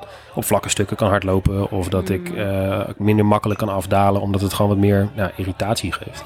Maar even nu, als je, als je kijkt naar de UTMB, is, dat dan... Je hebt ook de TDS gedaan. Ja. Wat is de mooiere race? Wat is de mooiere race? Ehm, ja, lastig. Eh, TDS technischer vind ik wel leuker. Technischer als een moeilijker terrein. Ja, wat moeilijker terrein. Mhm. Eh, dat, is heel, ja, dat is wel een passage die jij dan niet gehad hebt, die ze eruit Ja. hebben gehaald. Eh, waar wat kettingdingen, wer, werk in zit. En Mhm. ja, dat heb je gewoon bij de UTMB gewoon niet. Nee. Dat is er gewoon niet. Dus het is een goed rembaar terrein. Mhm. Ehm, eigenlijk, als je mij vraagt, heel erg rembaar. Je zou iets harder kunnen. Je kan makkelijker harder lopen. Ja. Ja, dat, dat vind ik wel. is Ja. dat ook omdat ze, omdat ze dit als hoofdevenement eh, ik. hebben? Ja, Dat dat ze dat een rembaarder willen? Dat denk ik. Ja, Oké. ja, ja. ja, ik, ja ik vind... Ja, wat is, ja, wat is mooier? Weet je, ik, ik vind Ja, iedere race die ik gelopen heb Mm. qua omgeving, je weet wat je uitzoekt en dat het, het heeft een bepaalde charme. Ja. Ehm, eh, ja, wat is mooier? Vind ik een lastige vraag, oprecht. Want het is, als je mij vraagt wat is de mooiste race, dan kom ik op heel iets anders uit. Ja, zeg maar. als je volgend jaar er nog eh één van de twee moet kiezen, welke kies je dan? TDS. TDS. Ja. Maar je zegt, je hebt een mooiere... Wat is je mooiste race? Ik hoorde, ik hoorde het. Ja. ook. Hoor hè? Ja, ja kijk, dan nog- kom je bijvoorbeeld voor mij uit op een eh, Madeira bijvoorbeeld. Ja, die wil ik ook doen. Miert. Die staat echt hoog op mijn lijstje. Weet je, Miert gelopen, of ik heb Kaapstad gelopen. Oh ja. Eh, de 100 daar. Ja, Super mooie omgeving. ja. Dus ik ben niet iemand die zegt, ik moet per se in Europa blijven voor Nee. die dingen. Of, of iets in die trant. Maar ja, Madeira staat wel qua omgeving. Ja. Eh, ik vind ook fotograferen vind ik fantastisch. Ja. En, en ja, als je, dat is echt gewoon de ene naar de andere plek waarbij je denkt, oh, stilstaan fotootje. Ja. Dat je gewoon niet eens meer aan het en racen daar bent. is wel tijd voor, daar? Nee. Nee. Nee, ook niet. Nee, en ik moet ook zeggen, bijvoorbeeld Miut is qua hoogtemeters gecombineerd met, met, met de horizontale meters echt wel een pittige race. Ja. Ja. Misschien nog wel pittiger. Ja? Ja. ja. Ja. Maar die is hon- 100. 115. Ze hebben een 115 en een 85 Ja. eh, qua langere races. Mhm. Maar hij is qua hoogteprofiel echt wel pittig. Heel Ja. pittig, ja. Ja, er zitten behoorlijke klimmen. zit een hele flinke klim. Ja, Ja. ja. Staat bij mij ook hoog op de lijst inderdaad. eh. Ja. Ja, of, ja, of wat technischere dingen. Weet je wel, dat vind ik ook wel echt wel... eh, ja. ja, maak je me ook echt wel blij mee de Mhm. laatste tijd. Ja. Ja. Heb je deze, heb je de UTMB eh, gekozen omdat het een logische stap was in, eh, in, jouw, Nou, voor, in jouw ladder? Of, eh, Nou, nee, niet per se. Maar voor mij was het eigenlijk... Nou, ik stopte met honkballen. Toen kwam een goede vriend van mij met een triathlon de Noorse man uit. Mhm. eh, in Noorwegen. Hele vette plek. Onwijs mooie ervaring lijkt me dat. Alleen dat gaat dus gewoon niet vanwege mijn schouder. En toen zag ik dit ooit eens een keertje voorbij komen, de start van de UTMB. Dat ik dacht, ah, eh, super appealing, echt graag een keertje doen. Ja. Alleen toen was hij nog wel echt een heel stuk kleiner Ja, qua precies. race. Als je gaat kijken in tien jaar tijd wat ze gegroeid zijn, is natuurlijk ook wel echt wel groot, heel veel. is echt wel heel veel. Dus, en daardoor verliest het, vind ik, een beetje zijn charme. Dus het heeft aan de ene kant heel veel charme door Ja. hè, het is het evenement. Maar ik moet wel zeggen, je gaat wel een Polonaise naar boven. En, Ja, ik ehm, vond het Ja. een beetje dubbel inderdaad. Aan de ene kant is het wel... Ik vond het eigenlijk jammer, want ik ging op donderdag alweer terug. Ja. En achteraf... ah, de start, weet je, dat kan, kan niet anders zeggen. hè. De start is echt super vet. ja, maar ook de van- vibe gewoon. Want Ja. iedereen... Nou, niet iedereen, maar bijna iedereen daar in Chamonix is daar voor het trailen. Ja. En dat heeft wel een leuke vibe. Dus ik vond het Ja. best wel jammer dat ik op donderdag alweer terug moest. Of tenminste, dat had ik zelf gekozen. Maar dat, achter, ook omdat ik niet goed besefte hoe die races nou allemaal gepland waren en hoe het dan zat. Ik had ook helemaal niet... Het begint die pas donderdag, weet je wel. Wij beginnen toch op Ja. maandag. Dus ik Ja. dacht, het begint Ja. allemaal een beetje in dezelfde periode. Ja. Maar dat is allemaal over verschillende dagen. Dus stel dat ik het nog een keer zou doen, dan zou ik ook wel kiezen om dan langer te blijven. Misschien wat later aan te komen. Ja. Want nu op zaterdag was er eigenlijk nog niet zo heel veel. Ehm, maar ja, ik, ik zit ook te twijfelen. Het is ook wel een beetje gehyped, vind ik. Ja, kijk, ze zijn natuurlijk overgenomen door de Ironman Groep. Ja. Eh, wat natuurlijk wel echt gewoon een eh, marketingkanon is tot en met. Ehm, en dat zie je wel terug. En dat hoor je ook van veel mensen wel meer als feedback komen langzaamaan. Het wordt gewoon wel, ja, eh, blijft het nog bij de trail spirit zoals we dat ja. vroeger hadden, ja, Ja. of nee. Of, en natuurlijk, ik zit ook heel kort in de sport, dus ja, ik weet ook die trail vibe niet van 20 jaar geleden, bij wijze van. Mm. Dus het is wel een groter, heel groots evenement. Hè? Ik bedoel, eh, je kan niet om Hoka heen in de zin van het is gewoon, ja, het is een en al voor, na, alles erachteraan. Je kan voor Ja. iedereen supporterspulletjes, koffiebekertjes, eh, Ja. slippers, de hele mikmak kan je kopen. Ja. Dus ja, dat is natuurlijk wel de, aan de ene kant, ja, verliest het daarmee wel iets van zijn charmes. Mm. Het grote, het grootste. Juist Ja. ook door het grootste. Maar door het grootste heb je wel het stuk. Ik bedoel, kijk, je loopt vanaf Chamonix tot aan Les Houches, loop je gewoon, ja, die eerste acht kilometer is gewoon één groot feest. Ja. ja. En als je dus toplopers ziet eh, bij bepaalde stukken later in de race, kijk, bij mij zie je dat helemaal niet meer en is het gewoon zo dood als mijn kan op zo'n parcours. ja. Maar- Mij ook. Maar als je, maar als je dat ziet in, in Col de Fauclas en dat soort dingen, gewoon echt, ja, eh, het is gewoon, Tour, het is gewoon Tour de France. Het is gewoon, het is gewoon dat je ja, denkt, ja. holy moly, dat is wel Maar dat vind ik ook nog wel een puntje van de UTMB. Dat eigenlijk zeg maar op de elite runners naast de rest eigenlijk al niet meer zo heel interessant voor zich. Voor mijn gevoel. Ehm, Ja, ja, ja, want de, de- je ziet nog een filmpje van de laatste finishers van elke race. Maar echt die hele middenmoot. Ja, Ja, maar wordt- is die, is, is Ja. die ook interessant voor de kijker? Om, eh, Nee, maar ik, Nee. eh, ik denk als loper is het wel leuk om gevoel te hebben dat je net zo belangrijk bent. Ik hoef niet gefilmd te worden per se, maar wel, eh, ja, ik weet niet. Ik vond de vrijwilligers vriendelijk, maar, eh, zeg maar bij de Grizzly waren ze, vond ik ze leuker, zeg maar. Ja, maar dat heeft misschien denk ik ook te maken natuurlijk. Kijk, een, een, een grizzly is eigenlijk redelijk in een dag voorbij. En je Mm. moet bedenken, voor deze vrijwilligers, die staan er net zo lang als Ja, dat jij aan het lopen bent. Ja. Dus als jij zegt, ik kom zo'n tweede nacht in zo'n post. Deze Ja. mensen zijn er gewoon een- Ja, al ja, twee ja, nachten. dat is waar. Staan zij natuurlijk ook, oké, kom op, let's go. En eh, we gaan weer verder. ze Zeg moeten maar. nu, ik ook naar Dus dat huis. is, ja, snap je? Dus, dus, Ja. dus ja, dat zit er natuurlijk ook nee, in. dat Dus, is ook waar. maar ja, kijk, en, eh, eh, net als al die, al dat, ja, dat echt dat hele Tour de France idee. Ja, ik snap ook wel dat als ik eh, eigenlijk als de nummer 1 al gefinished is en ik ben nog niet eens voorbij dat Col de Fauclas, dat al die mensen met zo'n dinosauruspak en in zo'n eh, cowboyhoed, eh, weet ik het wat. eh, hoi, hoi. ja, groetjes, weet je wel. Die, er niet meer. anders nee. staan ze wel heel dronken daar op zo'n...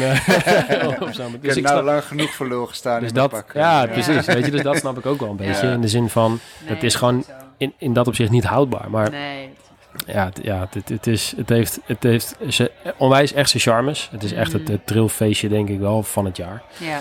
Alleen je ziet wel, nu ze eh, daarin over zijn genomen... en het commerciële echt naar boven komt drijven... je hoort wel veel mensen zeggen... ja, dat is wel een minpuntje, jammer. Ja, Ehm, ja. eh, het is gewoon echt geld gedreven aan het worden. Dat- En, ja, Ja. dat- ja. Grote marketingmachine.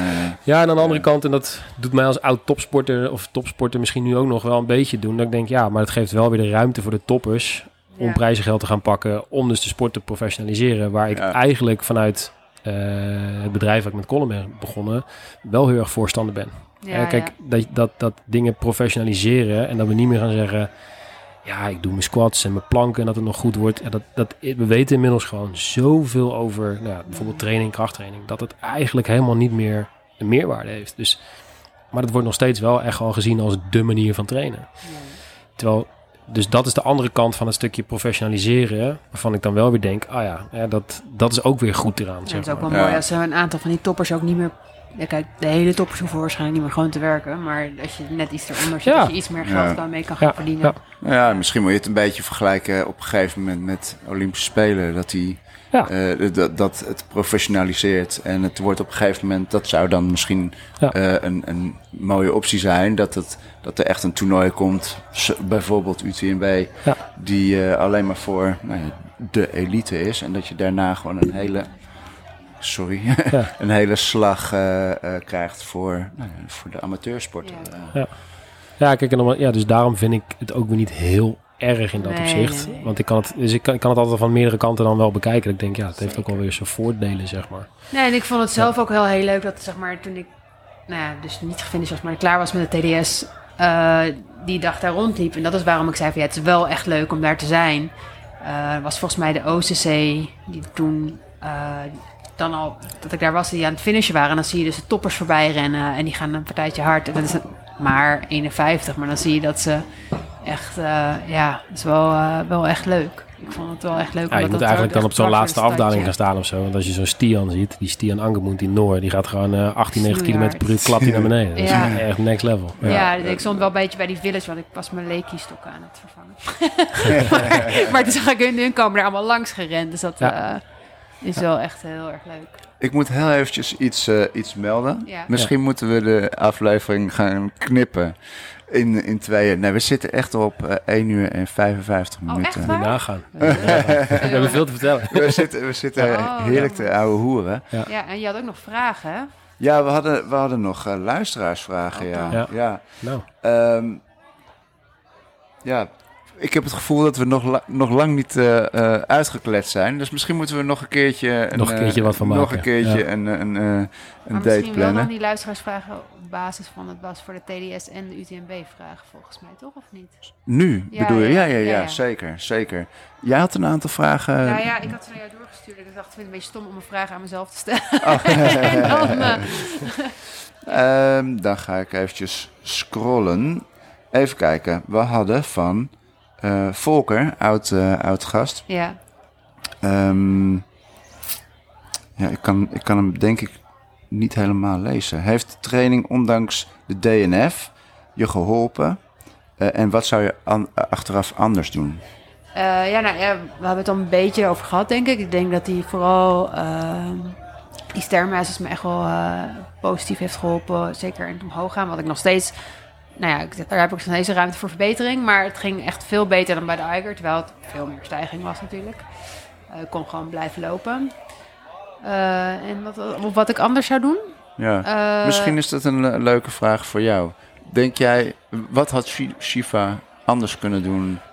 ja, dan een iets gerichter programma gaan draaien. Ja. Gewoon net even wat meer eh, nou ja, de leuke dingen per se loslaten. En dan zie je wel, wat ik net ook een beetje in het begin zei, van ja, wat we doen is echt wel gewoon heel speciaal.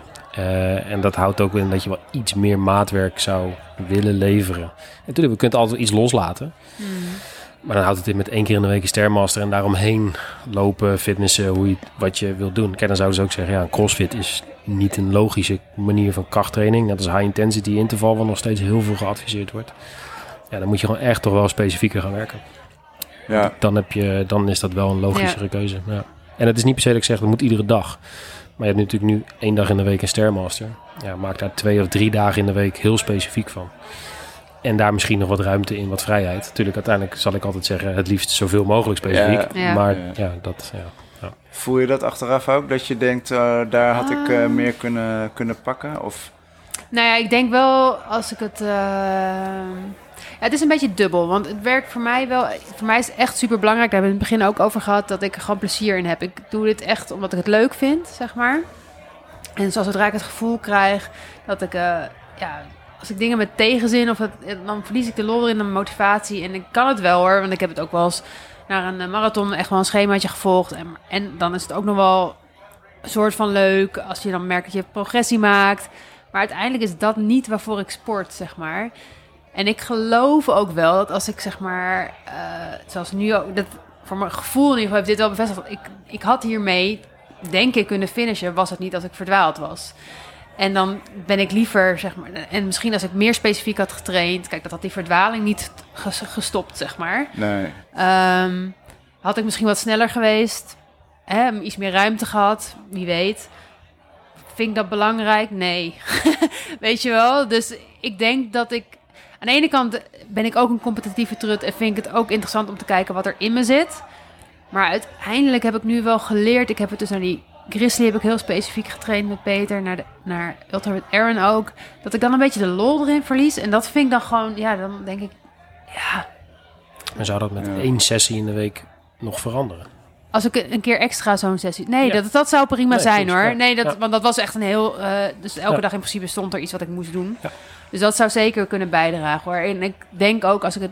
Uh, dat ik in ieder geval langer en dan misschien inderdaad twee keer in de week, dat zou ook echt prima zijn. Ja. Uh, en ik geloof dat jullie ook veel met van die waterbags doen. Dat zou, vind ik ook nog wel grappig. Dat zou ik ook nog wel willen. Uh, weet je, dat vind, ik, dat vind ik ook leuk. Dus nieuwe andere trainingen en zo. Uh, dus dat. Maar ik denk ook, wat zijn vraag was in de race zelf. Ik denk dat ik dus inderdaad verder naar voren zou starten. en waar ik wel over heb nagedacht, dan zou ik het nog steeds met de tweeën hebben willen doen. Ik, ja, ik heb daar wel echt, vond het wel echt heel fijn. Ik denk dat er ook echt hele delen waren dat ik niet leuk had gevonden om het alleen te doen. Dat het me mentaal heel, heeft, heel, heel erg heeft geholpen om het samen te doen. Dus ik denk dat ik dat toch wel zo zou houden. Alleen het zou. We hebben nu echt veel keren omgekleed. Want het was echt best wel lastig. Want het was heel koud. En dan kwam je aan de andere kant van de berg. En dan was er ineens geen wind. En dan zweette je helemaal kapot. Dan is er toch maar weer wat uit. Ja, en je blijft vrouw. Je wil je gewoon vaak omkleden. Ja, dat was het inderdaad. nou ja, even over vrouw zijn. Ik, ja, weet je, je bent soms drie, vier uur onderweg zonder stop. En eh, al die mannen die staan zich van, af, van zich af te zeiken tegen zo'n berg. En jij moet ergens plassen. Nou ja, moet, je, moet je nagaan. Hè? Dus vorig jaar hebben ze daar heel veel shit over gehad. Ja? Geen goed, nog slechtere voorzieningen qua uh, wc's. Maar ook dat er dus bijvoorbeeld geen, uh, geen tampons of dat soort dingen waren voor vrouwen met menstruatiecyclus oh, op dat oh, moment. Daar hebben ze dit jaar echt als een malle aan gewerkt. Omdat ze daar vanaf elite tot aan uh, wereldwijd gewoon amateurs echt het, uh... flinke shit voor gehad hebben. Oké. En dat hebben ze dit jaar wel echt geprobeerd om nou ja, echt om op te posten pakken. was wel dan wc's. Maar ja, als je dus vier uur onderweg bent... We moeten eens nagaan dat ze dus vorig jaar... dat ze dat dus gewoon op sommige posten dus gewoon niet eens hadden. Oh, ja. vreselijk. Ja, ja, nou ja, dus, maar dan zit je op zo'n berg... en dan is niet even dat je achter een bosje kan... Nou had ik een poncho.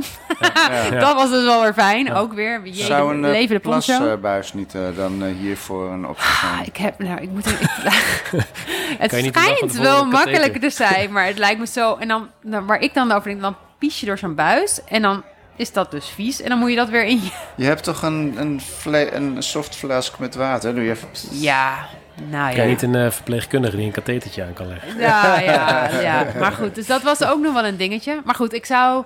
Uh, wat ik zou veranderen is dus uh, misschien iets beter nadenken over hoeveel tijd ik besteed aan uh, wel niet wat uittrekken, wachten. Ja, en strategie. Meer, uh, ja. meer daarover nadenken. Ja, want nu, ik heb echt niet veel tijd verdaan hoor, moet ik eerlijk zeggen. Maar wel uh, toch iets minder rustig aan op sommige plekken. Maar ja, dat. En voor de rest zou ik niet zo heel veel anders doen, denk ik. Ik heb, ja, ben best wel tevreden hoe ik het heb. Ik ben gewoon doorgelopen en dat was wat ik ging doen. En ja, dat, ik, dat we zijn verdwaald is gewoon jammer ja, gewoon een kwestie van gewoon heel veel ervaring op doen. Ja. Gewoon weten waar ga je goed op, waar ga je slecht op. Uh, ja. ja. Hoe pak je je tas in en ja, al die dingen. Ja, ja mijn tas zou ik misschien nog wel wat anders in, want ik had nu alles in één uh, zo'n uh, dry bag.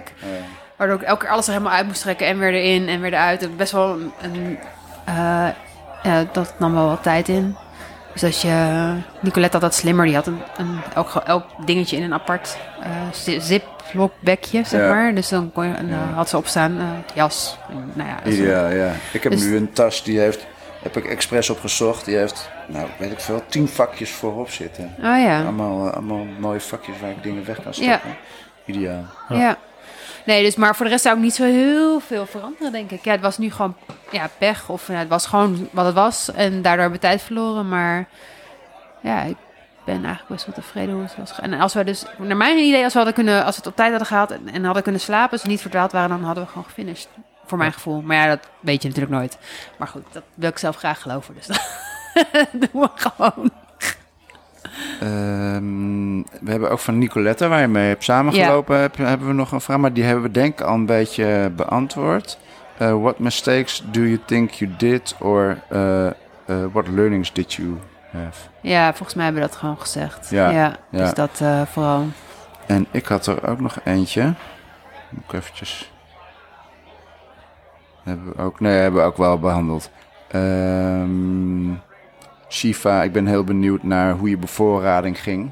Ja. Uh, oh, en heb je overwegen te slapen?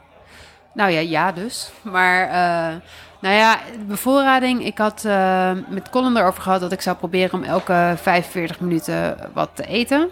En er was best wel veel tegen mij gezegd. Ga niet ervan uit dat je alles op de verzorgingsposten zijn best wel slecht, was mij verteld. Ze hebben er lang niet alles. Ik vond ook wel, ze hadden wel veel, maar ik vond ook een beetje tegenvallen, eerlijk gezegd. Uh, dus ik had een beetje uitgerekend dat ik elke 45 minuten iets moest kunnen eten van mezelf. Dus dat ik had, ik weet niet meer hoeveel dat was, maar dat had ik aan, een beetje repen en jelletjes en zo uh, wel bij me. Uh, min een beetje, zodat ik dacht, ja, ik ga ook natuurlijk wel wat op de eetstations eten. En dan zou ik in principe bij mijn dropback zijn op uh, ja, 93 was dat geloof ik, zou dat geweest zijn waar wij op 103 zaten, maar waar we dus nooit zijn aangekomen. Dus daar had ik dan nog een keer voor het einde van de race uh, spullen in zitten. En uh, ja, ik wilde erg graag slapen daar, maar daar, ben ik dus niet gekomen. nee. En ik was grappig genoeg, we waren dus op die berg. En ik zat dus heel erg dat ik dacht, oh, ik wil eigenlijk wel slapen nu, weet je wel. Volgens mij kan ik gewoon op zo'n steen liggen en dan kan ik gewoon 10 minuten slapen. En, uh, maar Nicolette wou dat per se niet. Ik zeg, maar als we dan gewoon een steen zoeken, dan dat moet toch wel... Nou, zij wilde dat echt niet. Dus, uh, maar dat had ik eigenlijk, het leek me ook wel een soort van de bijhoren of zo. ik dacht, dat vind ik eigenlijk wel leuk. Van. Ja, ja. ja. Dus uh, we zagen, de, later stuurde uh, Nicolette een foto van iemand die inderdaad op zo'n soort van feutushouding op zo'n platte steen lag. dacht ik, ja, dat wilde ik dus. Dat hoorde, dus dat moet ik nog een keertje doen volgend Die jaar. steen zag er hallucinerend als een lekker een bed. bed. Nou, maar ik zweer het je, ik had, het was, als het niet zo nat was geweest, was ik gewoon ergens even op de grond gaan liggen. Maar ik dacht, als ik dat ga doen, dat, dat is misschien niet zo'n goed idee, want het was echt allemaal modder. Ja. Maar ja, ik, ik had het wel voor me gezien om even 10 minuten. En je zag ook wel verschillende. Ik heb verschillende mensen zien liggen echt uh, met de buff over de ogen. En zo de telefoon als een soort van wekker op zich. Gewoon midden op het gras. Dat ik dacht, nou, dat uh, was gewoon nog overdag ook in het licht. Ja. ja. Maar uh, ja. Ja, ik, ik denk echt dat we, dat we moeten afronden. Ja. Twee uur zes. We hebben wel een record. Een wereldrecord. we, we kunnen nog een uur door. Dan gaan, zijn we langer dan, dan uh, Joe Roken. Oh, ja. nee, um, ja, Maarten, super leuk om je gesproken te hebben. We hebben misschien, leuk voor mijn gevoel, ja. wat te weinig over jouw race gesproken. Maar we gaan elkaar vast nog een keertje spreken. Zeker. Um, ik, ik heb het gevoel dat ik zelf heel goed getraind heb voor, uh, voor de Great Escape. Ja, jij en mag ik denk, een weekje. Ik mag over een weekje, ja. Nog niet eens, nog een paar dagjes. Um, Wanneer vertrek je? We vertrekken vrijdagochtend okay. en we, we starten vrijdag op zaterdag, vier, oh, okay. vier uur s'nachts. Oh, ja, okay. Dus, mooie uh, tijd. Ja, we ja. hebben even een mooie, mooie middagje om, uh, om daar rond te lopen. En, Lekker. Um, maar mocht het, mocht het nou zo zijn dat ik erachter kom dat ik toch niet goed genoeg getraind heb, dan, uh, dan bel ik dan je voor de volgende. ja, ja, zeker, ja. zeker. Um, Shiva, ja. heb je nog uh, een. Uh, wat is je volgende doel? Nog eventjes. nou ja, ik heb niet heel specifiek. Ja, wij gaan natuurlijk, uh, maar, dat, maar dat is nog ver weg. Ja, maart. In maart gaan ja. wij uh, Follow the Coast een etappe van doen, 100 kilometer. Dat, dat daar heb ik heel, heel veel cool. zin in, maar ja, dat is nog ook. ver weg. Ja. En ik heb eigenlijk niet echt een specifiek hardloopdoel nu. Wat ik wel ga doen is, en dat is een beetje ook, uh, vind ik leuk, omdat ik nu geen uh, runstreak meer heb, dat ik andere dingen ga over na aan denken ben. Dus ik ga een High Rocks doen in Amsterdam. Dus dat is een soort ja, een beetje crossfit-achtig uh, ja. ding. Nou ja. En niet uh, maar gewoon ja, met, met Kelly samen met z'n tweetjes als, als team. Dus dat vind ik heel erg leuk. Vet.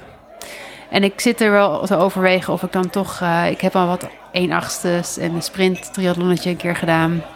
Of ik dan misschien toch eens een keer wat verder ga om te kijken. Ik, kan heel, ik ben een beetje een baksteen. Maar ik wil, ik, ga, ik wil het gewoon wel een keer ooit een Ironman doen. En dan moet je toch langzaam toch steeds een beetje verder.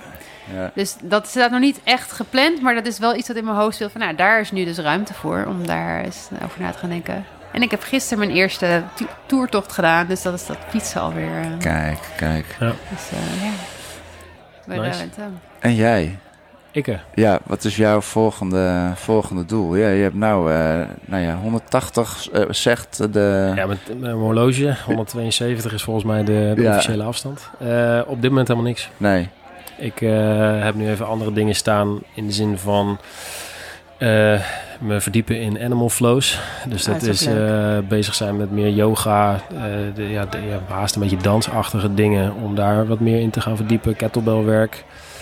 Puur vanwege praktijkoverwegingen. Ja. En nogmaals, ik wil alles ervaren en doen. Ik ben gewoon voorstander van als we niet even over trailrunning hebben. Leer bewegen, dan komt daar vanzelf een gezondheid bij. En niet, uh, train niet voor uiterlijk. En daar horen dit soort dingen heel erg bij. Dus gewoon veel complexere bewegingen. Complexer bewegen dan alleen maar nou ja, uh, een squat, een lunge, een uh, bankdrukken, push-up. Ja.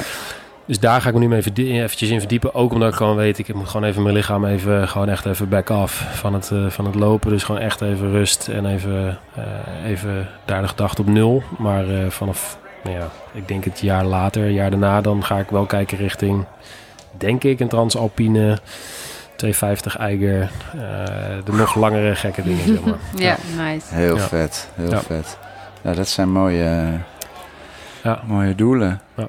Nou, we, ja, ik, we zien je wel voorbij uh, komen. Zeker. Ja, en ik jullie. ja, ja. Nou, dan, uh, dan stel ik voor dat we gewoon nog eventjes uh, gaan opbouwen qua muziek. Ja. dat, dat, we hem nog even... Het proces. Even doorbouwen. Ja. Oh, hij is niet meer geschakeld, of Hij wel? is uitgedaan. Hij is te lang uh, op standby gestaan. hij heeft Jammer, besloten joh. dat hij... Uh... Die end. We zijn zo lang bezig. nou, tot uh, de volgende ja, aflevering. Tot Shiva, tot morgen. Tot morgen, ja, ja, ja. Dan mogen jullie alweer. Ja. Leuk. Leuk dat je hebt geluisterd naar Looplijp. Ben je nou ook Looplijp? Laat het anderen weten. Geef in jouw podcast-app een mooie beoordeling, een review of een leuk bericht bij de aflevering. Ook top als je ons wilt delen, taggen of aanraden bij vrienden of op Instagram. Oh ja, wil je Looplijp helpen de podcast te blijven bekostigen met een kleine financiële support?